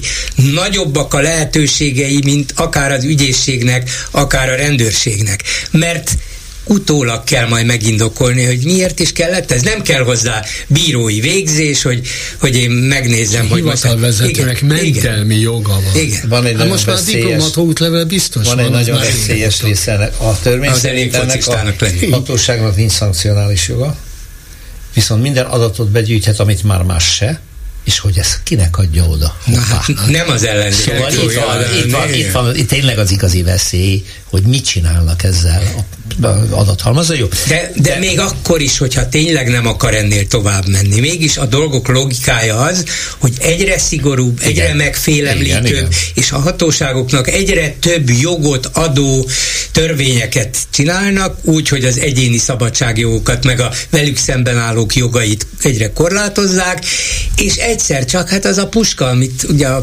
színházban Csehov csak darabjának falán kiraknak, falára kiraknak, el fog sülni, valaki le fogja venni, és azt mondja, hát itt van ez a puskát, miért van ez a törvény? Hát azért, hogy? Na de Gyuri, Hát csak az van, amit mondtál. Hát rendőrállam, hát az így Így van. Hát akkor meg jó Neki a klíma előállítása fontos, Igen, ezt meg fogja teremteni, és tulajdonképpen ez lesz, ez a folytogató dolog, mert hogyha te állandóan úgy érzed, hogy vegzálhatnak, akkor egy idő után nem csak érzed, hanem azt mondod, hogy engem vegzálnak. És vegzálni is fognak, mert hogyha minden, nem szeretném, hogyha minden tudjanak rólam, nem szeretném, hogyha kopogtatnának, hogy házkutatási parancsuk van. Egyébként ő meg avval fog takarózni, hogy mondjanak egy pert, ahol ez terítékre került. Hát mi semmit nem tettünk, de ezekre éberen figyelni kell, hogy megállítsuk az ide folyó pénzeket, támogatásokat, amelyek alantas indokkal. Hát külföldi érdekeket igen. szolgálnak, magyarán árulják a hazát ezek a gazemberek. Már most hát mi népünk érdekében lépünk csak föl. És hogyha az Európai Unió természetesen meg fogja támadni a bizottság, természetesen lesz kötelezettségszegési eljárás, elmegy az Európai Bíróságra, de még ha rendkívüli gyorsasággal megy is végig, akkor is minimum egy-másfél év. Ugye? Lehet, hogy még több. És még akkor sem biztos, hogy végrehajtja. Hát van olyan európai bírósági ítélet, amit a magyar kormány nem hajt végre, Bizony, például a Iványi, menekültek kezelésével kapcsolatban. Úgyhogy igen. ezer lehetősége van még, és ő mindegyiket kihasználja. Na. Az a kérdés, hogy mikor lesz majd az a helyzet, amikor nem csak egyszer mondják azt, hogy arra van az ajtó, fáradj ki, hanem menj. nem szeretném megélni, hogy nem, minket baj, kitesznek minket is, minket is visz magába. visz magába. Na, éppen 30 percet beszélünk Orbán Viktorról, váltunk. Karácsony Gergely következik, jó napot kívánok a második felvonás, itt Tamás Ervinne, Selmeci Jánossal és Bolgár Györgyel elfogadta a parlament a választási törvény módosítását a fővárosra vonatkozóan, hogy listás szavazás lesz, ami azt jelenti, Karácsony Gergely szerint, hogy nem kéne megijedni ettől a módosítástól, ez tulajdonképpen jó, arra kényszeríti az ellenzéket, hogy egységesen lépjen fel minden körzetben, egy jelölt, mindenki a háta mögött. Végülis igaza van, nem? Szerintem nem kényszeríti arra, de... Miért? Hát esélytelen marad.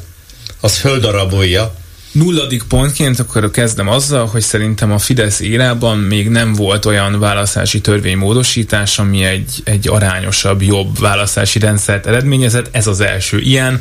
Nem mondom, hogy újongva kell ennek örülni, de hát legalább nem kell ütni az asztalt, hogy, hogy valami nagyon antidemokratikus, Igen, borzasztó itt, választási itt, rendszerben kell de majd mintha jövőre volna ezzel, hogy megbízták a mi, mi hazánkat azzal, hogy ezt a törvénymódosítást terjessze be, mert valóban kényszerítő erő a főváros városban az Egyesült Ellenzéknek a fellépésére, nem? Igen, de az Egyesült Ellenzék képes olyan helyzetet előállítani, hogy a keserű szájíz tömeg, tömege fog föllépni, és az Egyesült Ellenzék nem képes egyesülten föllépni. Ezt már most is úgy látom, hogy rengeteg probléma lesz a megszólalásokkal, mert e, most teljesen mindegy igazságok vagy nem igazságok mellett érvelnek néhányan, e, megint csak a klímára mondva, ha a másik félnek nincs egy egyszerű polgára se, aki kibeszélne abból a kórusból, akkor nem, nem lehet az emberek elé odállítani a plurális véleményszabadság óriási lehetőségét, mert a laikus az, hogy ezek egymás ellen beszélnek. Igen, igen. Persze, mert, mert az emberek nem követik annyira a politikát, hogy érzékeljék, hogy ez ebben különbözik, ez abban, és ez egyébként jó. Hát erről szól a demokrácia, nem? Azt várják, hogy utálom a Fideszt, utálom Orbán, mondják ezt együtt, de nem mondják, mert az egyik ezért szól ki, a másik azért szól be, a harmadik nem szól semmit, szóval nehéz helyzetet teremt ez a változás, és nem önmagában az az antidemokratikus, hogy arányos választási rendszert állítanak vissza Budapesten, jó, nem. nem. De akkor egy, jó, hát akkor csináljuk meg az országban is. Ha ez Budapesten jó szerintük, hát akkor egy, egy kalap alatt meg lehetett volna csinálni. És hát és nem hat egyébként, a választás. De a másik, ami viszont mélységesen antidemokratikus, hogy fogjuk magunkat, és fél évvel a választások előtt megváltoztatjuk a rendszert, ráadásul még ócska trükkös gyáva is, hogy mindezt a mi hazánk mögé bújva csinálják, és az utolsó percig nem mertem mondani egy nyomorult Fideszes se, hogy akkor mit is akarunk, és mit támogatni fogjuk, nem fogjuk igen, támogatni. Igen. Főnök, mondd meg már, hogy mit kell csinálni. Nem mondta meg nekik az utolsó pillanatig, pedig tudni lehetett, amikor a mi hazánk előjött vele, hogy ez el van döntve, ki van találva, hát csak talán elfelejtették a leghűbb szolgáik során. A mi mentségére, hogy mondvák előtt hangsúlyozta, hogyha úgy döntenek, hogy ezt a következő választ önkormányzati, ő abba, ők abba belemennek. Azért mentségük nincs. Én vagyok, én vagyok úgy látom, közöttetek az egyetlen, aki ad arra esélyt, hogy a mi hazánk egy párt, és beterjeszt magától egy olyan törvénymódosító javaslatot, ami jó neki, mert jó neki. Egyébként ezt úgyse tudjuk, zárjuk le, elfogadom, hogy azt gondoljátok, hogy a Fidesz áll Én nem gondolom. Szerintem is az egyik cél egyébként az, amire ut- utaltatok az előbb, Széles hogy az ellenzéki pártok itt szüttyögjenek el hónapokat azzal, hogy külön lista, közös lista, hány lista, kivezesse, akkor most az LMP-nek a Vitézi Dávid, vagy mégsem. A János a ezt nélkül a módosítás nélkül is az ellenzék kényszerűen az meg, meg kell, hogy csinálja, meg kell, hogy szüttyögjön, meg, kell, meg kell fontolnia, és vitázni kell, és egység és nem egység, ez attól függetlenül zajlik, nem. Ez nem erről szól. Mert a Momentumnak ez most egy érdekes kérdés. Ők ugye be tudnak menni egy saját listán, ahhoz kéne nekik három saját polgármester jelölt, amit, amit meg tudnak valósítani, hogyha nagyon akarnak szerintem. Úgyhogy ezen el lehet szórakozni hosszan, ugye megpróbált a DK-nek elébe menni már, amikor magát a törvénymódosítást benyújtották, ők rögtön mondták, hogy tessék, jöjjön mindenki közös listára, essünk ezen túl. Szerintem a Fidesznek az tök jó lenne, hogyha Budapestről beszélnének, ugye itt úgyis azért a Fidesz nem, nem, nem, nem fog minden polgármestere nem fog járni, sőt, szóval, szóval nekik az a jó, hogyha az ellenzéki pártokat leköti ez, hogy itt vitatkoznak egymással, a Momentum összevész a DK-val, mi, mi is megtörténik, ez egy kicsit. Nem kellett hozzá a módosítás, hogy lett volna Donát annak kiálljon és neki menjen a DK-nak, nem kellett ez, de szó sincs róla, ez egyébként is zajlik, és önmagukat ügyesen szalámizzák le, úgyhogy ez inkább karácsonynak van igaza, hogy ha valamilyen hatása, akkor legalább az, hogy leülnek egy asztalhoz, és azt mondják, ráadásul listás szavazásra kényszerülünk, akkor csak egységesen lehet fellépni. Vagy megcsinálják, vagy nem. De, de egyébként szerintem elfér két lista egy momentum, ja, meg egy mi, mi lenne, hogyha három lenne, mert van azért még egy másik farka is a problémának, Jó, vagy hát két az, farka. Az a két van. farkú kutyapárt Budapesten 10%-hoz közelítő igen, párt. Igen. Indíthatnak nyugodtan önálló listát, Fognak. nagyjából biztosak lehetnek abban, Fognak is. hogy bekerülnek a, a fővárosi közgyűlésbe. Hát nem baj. Nem baj csak nem lesz belőle, az, hogy ők Fidesz ellenesek, az egyértelmű. De hogy közben azért az ellenzéket sem szeretik, hát az is nagyjából, nagyjából most Ugye nem, nem ugyanúgy nem szeretik, mint a Fidesz, nem. de azért nem szeretik Igen. valahogy olyan rosszul érzik magukat a körükben, vagy egyikkel másikkal talán megférünk egy szobában, de ugye az egésszel, hát az, az nem a mi világunk. Na ebben a pillanatban viszont a Fidesznek ez az arányos, ő, csináljuk meg, hát ha nyer, hát ha nem nyer karácsony, nem szerez többséget a, a fővárosi közgyűlésben, de ha még ott lesz neki ez a kétfarkú kutyapárt, amelyik egyik, másik, harmadik, harmincharmadik kérdésben is ellentmond neki, akkor azért lehet, hogy megbánja ő is, hogy főpolgármesternek Én, én szerintem tudna akár még jobb hely is lenni a főváros attól, hogy a kutyapártosokkal is meg kell egyezni, és nem csak a saját körével. Nehezíteni fogja De egyet mondjatok, az ellenzék az utóbbi időben nem az, hogy átfesti a padokat, nem erre gondolom, hanem milyen témát emelt közbeszéd rangjává. Ami visszaélés, nem hiszem el, hogy ilyen történt jellegű történet, amiből a portálok szerintem naponta hármat tálalnak.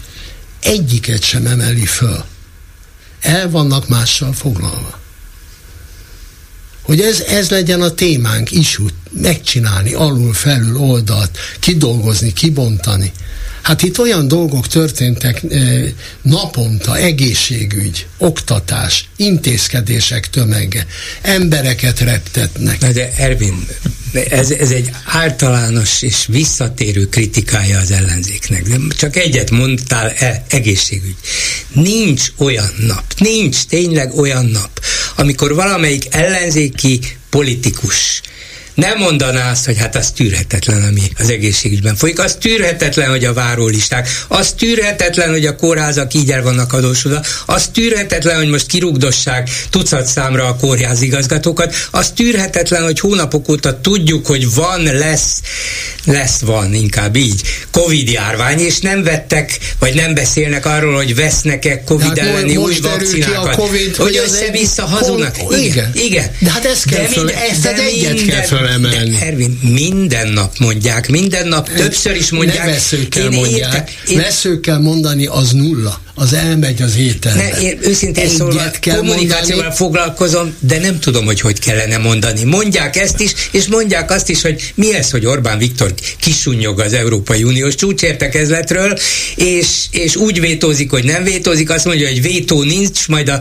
a rádió nyilatkozatában azt mondta, hogy ezért vétózta meg ezt, és azért vétózta meg azt. Elmondják minden nap, csak minden nap több tucatnyi olyan disznóság van, amire vagy nem én reagálnak, mert csak az egészségügyet vesszük elő, de akkor miért hagyjuk Én ott nem az arra oktatást? gondolok, hogy kórusban mindegyik, hanem azt, hogy azt mondja valamelyik ellenzéki politikus, hogy ezt a Covidot úgy, ahogy van, földolgozunk. Egyébként a dokumentum, ami kikerült, és végigolvastam, az maga, maga a fölháborító. Dilettánsak, inkompatibilisek mindenre. És inkompetensek is Inkompetens. ráadásul. Az ellenzéket bántsátok, ti nyugodtan ebben De nem, nem az ellenzék, nem, nem, hanem igen. ami történik. Ez most a, ez Ami- most a kormány, vagy a Ez a kormány. igen. Amit még a, a fővárosi választási törvény módosításhoz hozzátennék, hogy szerintem amellett, hogy igen, lehet, hogy csinálnak gyorsan egy közös listát, és ez jó lesz nekik. Szerintem az nem baj, hogy az ellenzéki pártoknak nyilván az ő szempontjukból el kell kezdeni foglalkozniuk a mi hazánkkal, mert hogy van itt egy párt, és az egyetlen párt tulajdonképpen, amelyik folyamatosan erősödni tud, sőt, amit az Ervin hiányolt, még tematizálni is tud olykor-olykor, hát éppen az egyik javaslatukat fogadta el a parlament, meg leváltottak egy múzeumigazgatót, úgyhogy szerintem az a fővárosi ellenzéknek nem lesz baj, hogyha arra az 5-6 százaléknyi mi hazánk szavazóra, nyilván nem az összesre, de mondjuk a felükre megpróbál ráhajtani egy picit. Nyilván a kutyapárt esetében ugyanez van, tehát a kutyapárt szavazók egy része is megszólítható, és nem akkora baj szerintem az ő szempontjukból, hogy ezért csinálniuk kell valamit, és nem elég az, hogy a regnáló polgármesterek megmaradnak, és akkor megvan a többség. Tehát ki lehet ebből jönni jól, na, ezt akarom mondani. Vagy nem. Optimista tragédia. Vagy nem, vagy teljesen fel lehet da- darabolódni. A másik az, hogy ö, állandóan előjön, hogy egy nagyon nagyas dologra készül a Fidesz, őt nem fogja érdekelni, hogy milyen közel vagyunk a önkormányzat és Európai Uniós képviselői választáshoz, ha akarja, módosítja.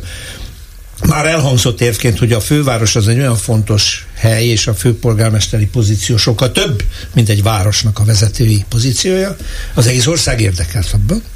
Ezért a választást ki kell terjeszteni, hogy mindenkinek joga van a főpolgármesterre szavazni, akár Mária Pócson él, akár Miskolcson.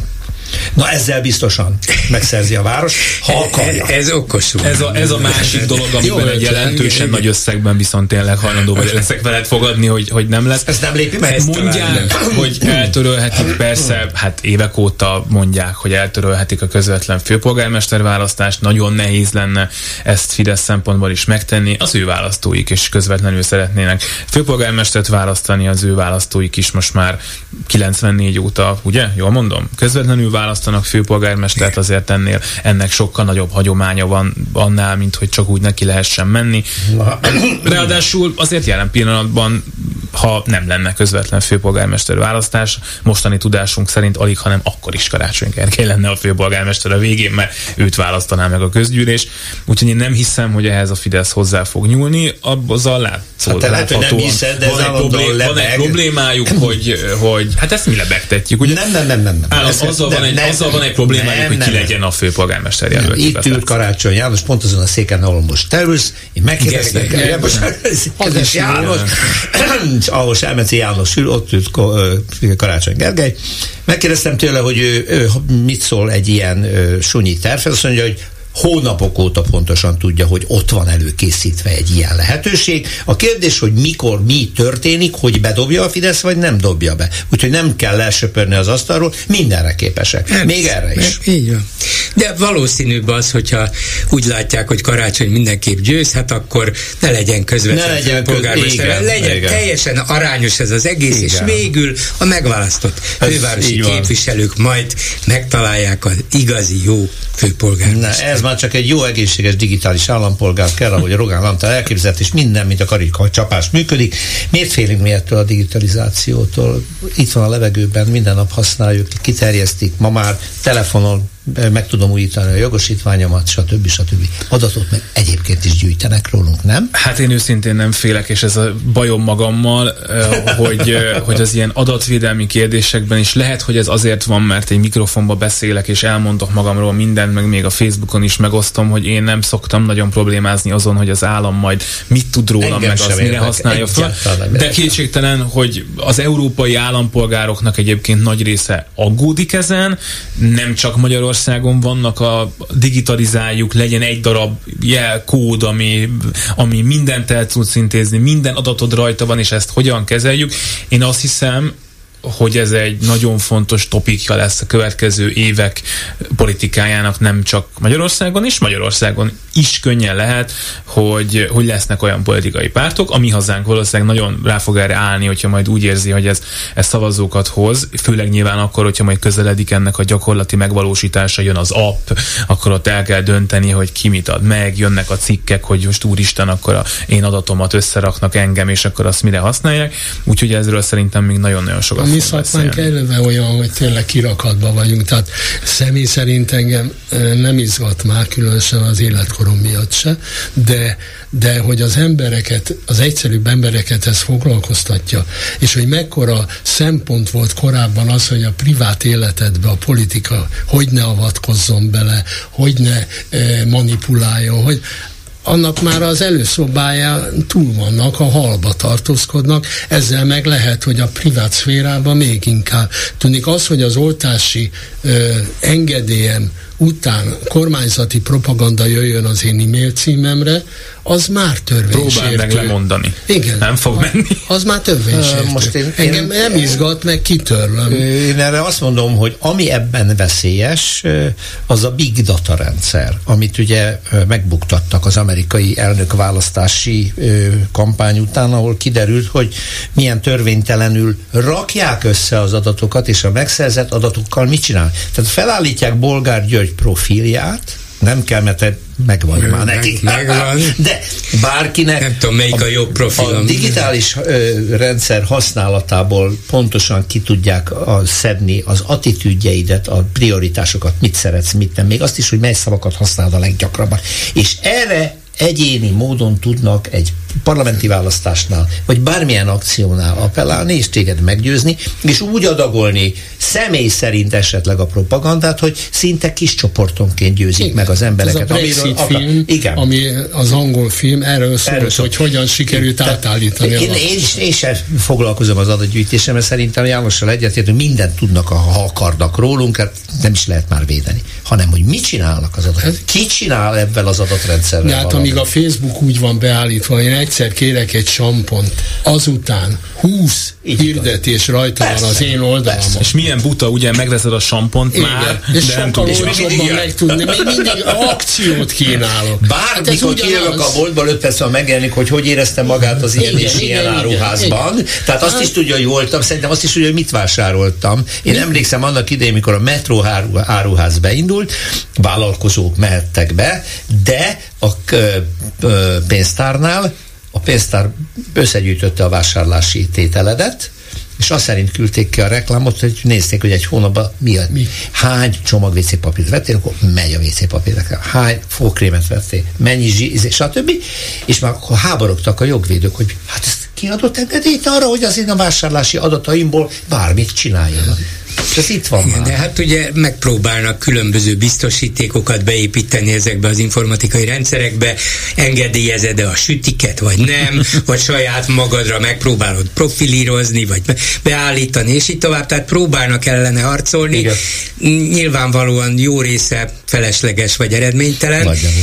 és ezért a világon mindenhol egyre inkább szembe kell nézni ezzel, hogy egyre több dolgot igen. tudnak rólunk. Azt mondom, hogy igen, nem jó, de valószínűleg így lesz.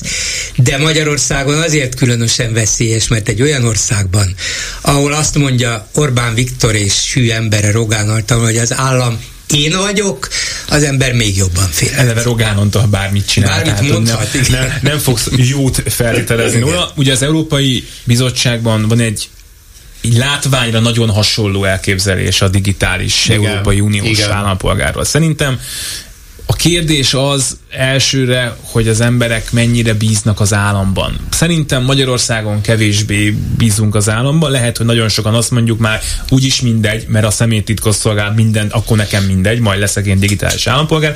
És lehet, hogy joggal nem bízunk az államban, hogy ezeket a garanciákat megadja. Nem biztos, hogy azt hiszük, hogy Péter Falvi Attila éles szemével majd észlel minden adatkezelési problémát, és ezt azonnal jelzi a döntéshozóknak, és addig ugrál, és jár a nyak nyakukra, amíg ezeket eh, az alaptörvényben rendezik. Illetve hát azért ennek Magyarországon van egy története, még a Sólyomféle alkotmánybíróság egyszer elkasszált egy olyan kezdeményezést, hogy egy ilyen közös dol- dolgot lehessen, és azért van tajszámunk, azért van személyi számunk, hogy ezek külön legyenek, és nyilván most is azt ígérik, hogy majd csak adott szerv csak azokat az adatokat hívhatja le, amikhez neki köze van, és semmi más nem. Elhisszük, vagy nem hisszük el. Szerintem, Ez, szerintem, szerintem kóros bizalmatlanságban szenvedünk, mert uh, alapvetően, uh, én ezt elég sokszor elmondtam már, a Fidesz felépített egy nagyon jó digitális ügyintézési rendszert, egy nagyon jó kormányhivatali rendszer. Tényleg az van, hogy egy jogosítvány meghosszabbításához Egyszer ugyan el kell mennem az orvoshoz, de onnantól kezdve online működik és kiküldik. Ez soha nem volt. A napokat, heteket álltunk sorba. Ez, ez, a, ez a rendszer nagyon jól működik. Az, hogy egyébként még mi mindenre fogja felhasználni, úgy csinál, mint a, az újszülött. Hát ez a rendszer, ez, ez ebből ez él. nem a Fidesz érdeme, a világ változott így, meg a telefonod változott így, és vannak országok náluk. Mm, az, hogy a kormányhivatalok ennyire hát, flottul Ugye mindig Észtországot én... szokta, persze vannak lustább országok, főleg ezek a nagyobb nyugati igen, demokráciák, amelyek úgy gondolják, hogy hát mi nekünk elég jól működött az elmúlt évtizedekben, minek itt sietni ezzel, meg egy csomó biztosítékot építeni, építsünk be, de mondjuk a hozzánk hasonló új Igen. kvázi demokráciák, mi nem vagyunk azok az észtek inkább, azok ezt megcsinálták sokkal gyorsabban. Tehát nem ez a lényeg, hogy, hogy előre mentünk. Igen, előre mentünk, de itt van egy új Eurostat statisztika, azt sem mondom, hogy ez mindent visz, mindent dönt, de egy fontos statisztika, hogy Magyarország az Európai Unió tagállamai közül a második legszegényebb ország. A fogyasztásban, az egyéni fogyasztásban már csak Bulgáriát előzzük meg. Mondom, vannak más számok, ez aggasztó, más mert ez 22-ben volt, és 23 igen. Tehát ez nem, nem aggasztó, ez 22, ez elég statisztikai adat. Azt én mondom, hogy 23 ja, még igen. rosszabb lesz. Ja, az, az is lehet. Igen, mert igen. hogy csúsztunk vissza Csak azt akarom mondani, hogy jobban élünk, mint tíz éve, jobban élünk, mint tíz éve. Digitálisan fejlődtünk, fejlődtünk és a többi uniós országhoz képest hol tartunk? Megyünk egyre lejjebb. A fantasztikus az abban és az Orbáni teljesítményben az, hogy el tudja hitetni a magyar társadalom többségével, hogy egyre jobbak vagyunk, egyre gazdagabbak vagyunk, egyre megyünk fölfelé, egyre inkább elhagyunk mindenkit, miközben csúszunk vissza. Ezt hogy csinálja? Ja, tudom ezt is, hogy csinálja. Hát tudod, Mert hogy hogy csinálja, az szóval persze, van, persze, persze. A másik pedig az, hogy a társadalmi norma rendszere itt tizenvalány év alatt fölrobbant minden, elav, minden szó, ami ezzel foglalkozott, az kikerült a szótára. Vagy, eh, vagy súlyát veszítette. Úgy értem, súlyát veszítette, egy, érsz, egy igazi értékrendi, nincsenek normák. Ti, ö, e, nincs az emberek előtt az, hogy betartsak bármit is. Ha meg ez hát, nincs előtted, akkor a másiktól se hiszed el, hogy ő tiszteletbe fogja hát tartani. Hát azt kell mondjam, hogy a bíró, bíróság előtti egyenlőség hát, nincs meg. Hát az alapvető alapvető ember. Igazságügyi reform, mit akarsz? Igen, igen, igen mit akarsz. Kirúgott orvosoknak azt üzenjük, hogy nagyon szolidárisak vagyunk velük, nem értjük, mi történt, orvoshiány van, és ilyen könnyedén a kórházi vezetőket leváltják. 65 év a legtöbbet azért, Igen. de Pintér Sándor 74 éves. Na de hát vannak egyenlők hát is egyenlők. hogy 65 és után továbbra az is már nem alkalmas jelentem, hölgyeim és uraim, tilos az A. Köszönöm a figyelmüket. Tamás Ervinnel a Volt Népszabadság volt főszerkesztő helyettesével, Selmec János kollégámmal és Bolgár Györgyel beszélgettünk az elmúlt egy órában. Ezzel a mai műsor végére értünk. A műsor közreműködtek a műsor készítésében Lantos Dániel, Kemény Dániel, Horváth Ádám és Túri Lui. A szerkesztő Csernyászki Judit nevében köszönöm a figyelmüket, Rózsa Pétert hallották. A hetes stúdiót a Klubrádió közéleti politikai magazinját hallották.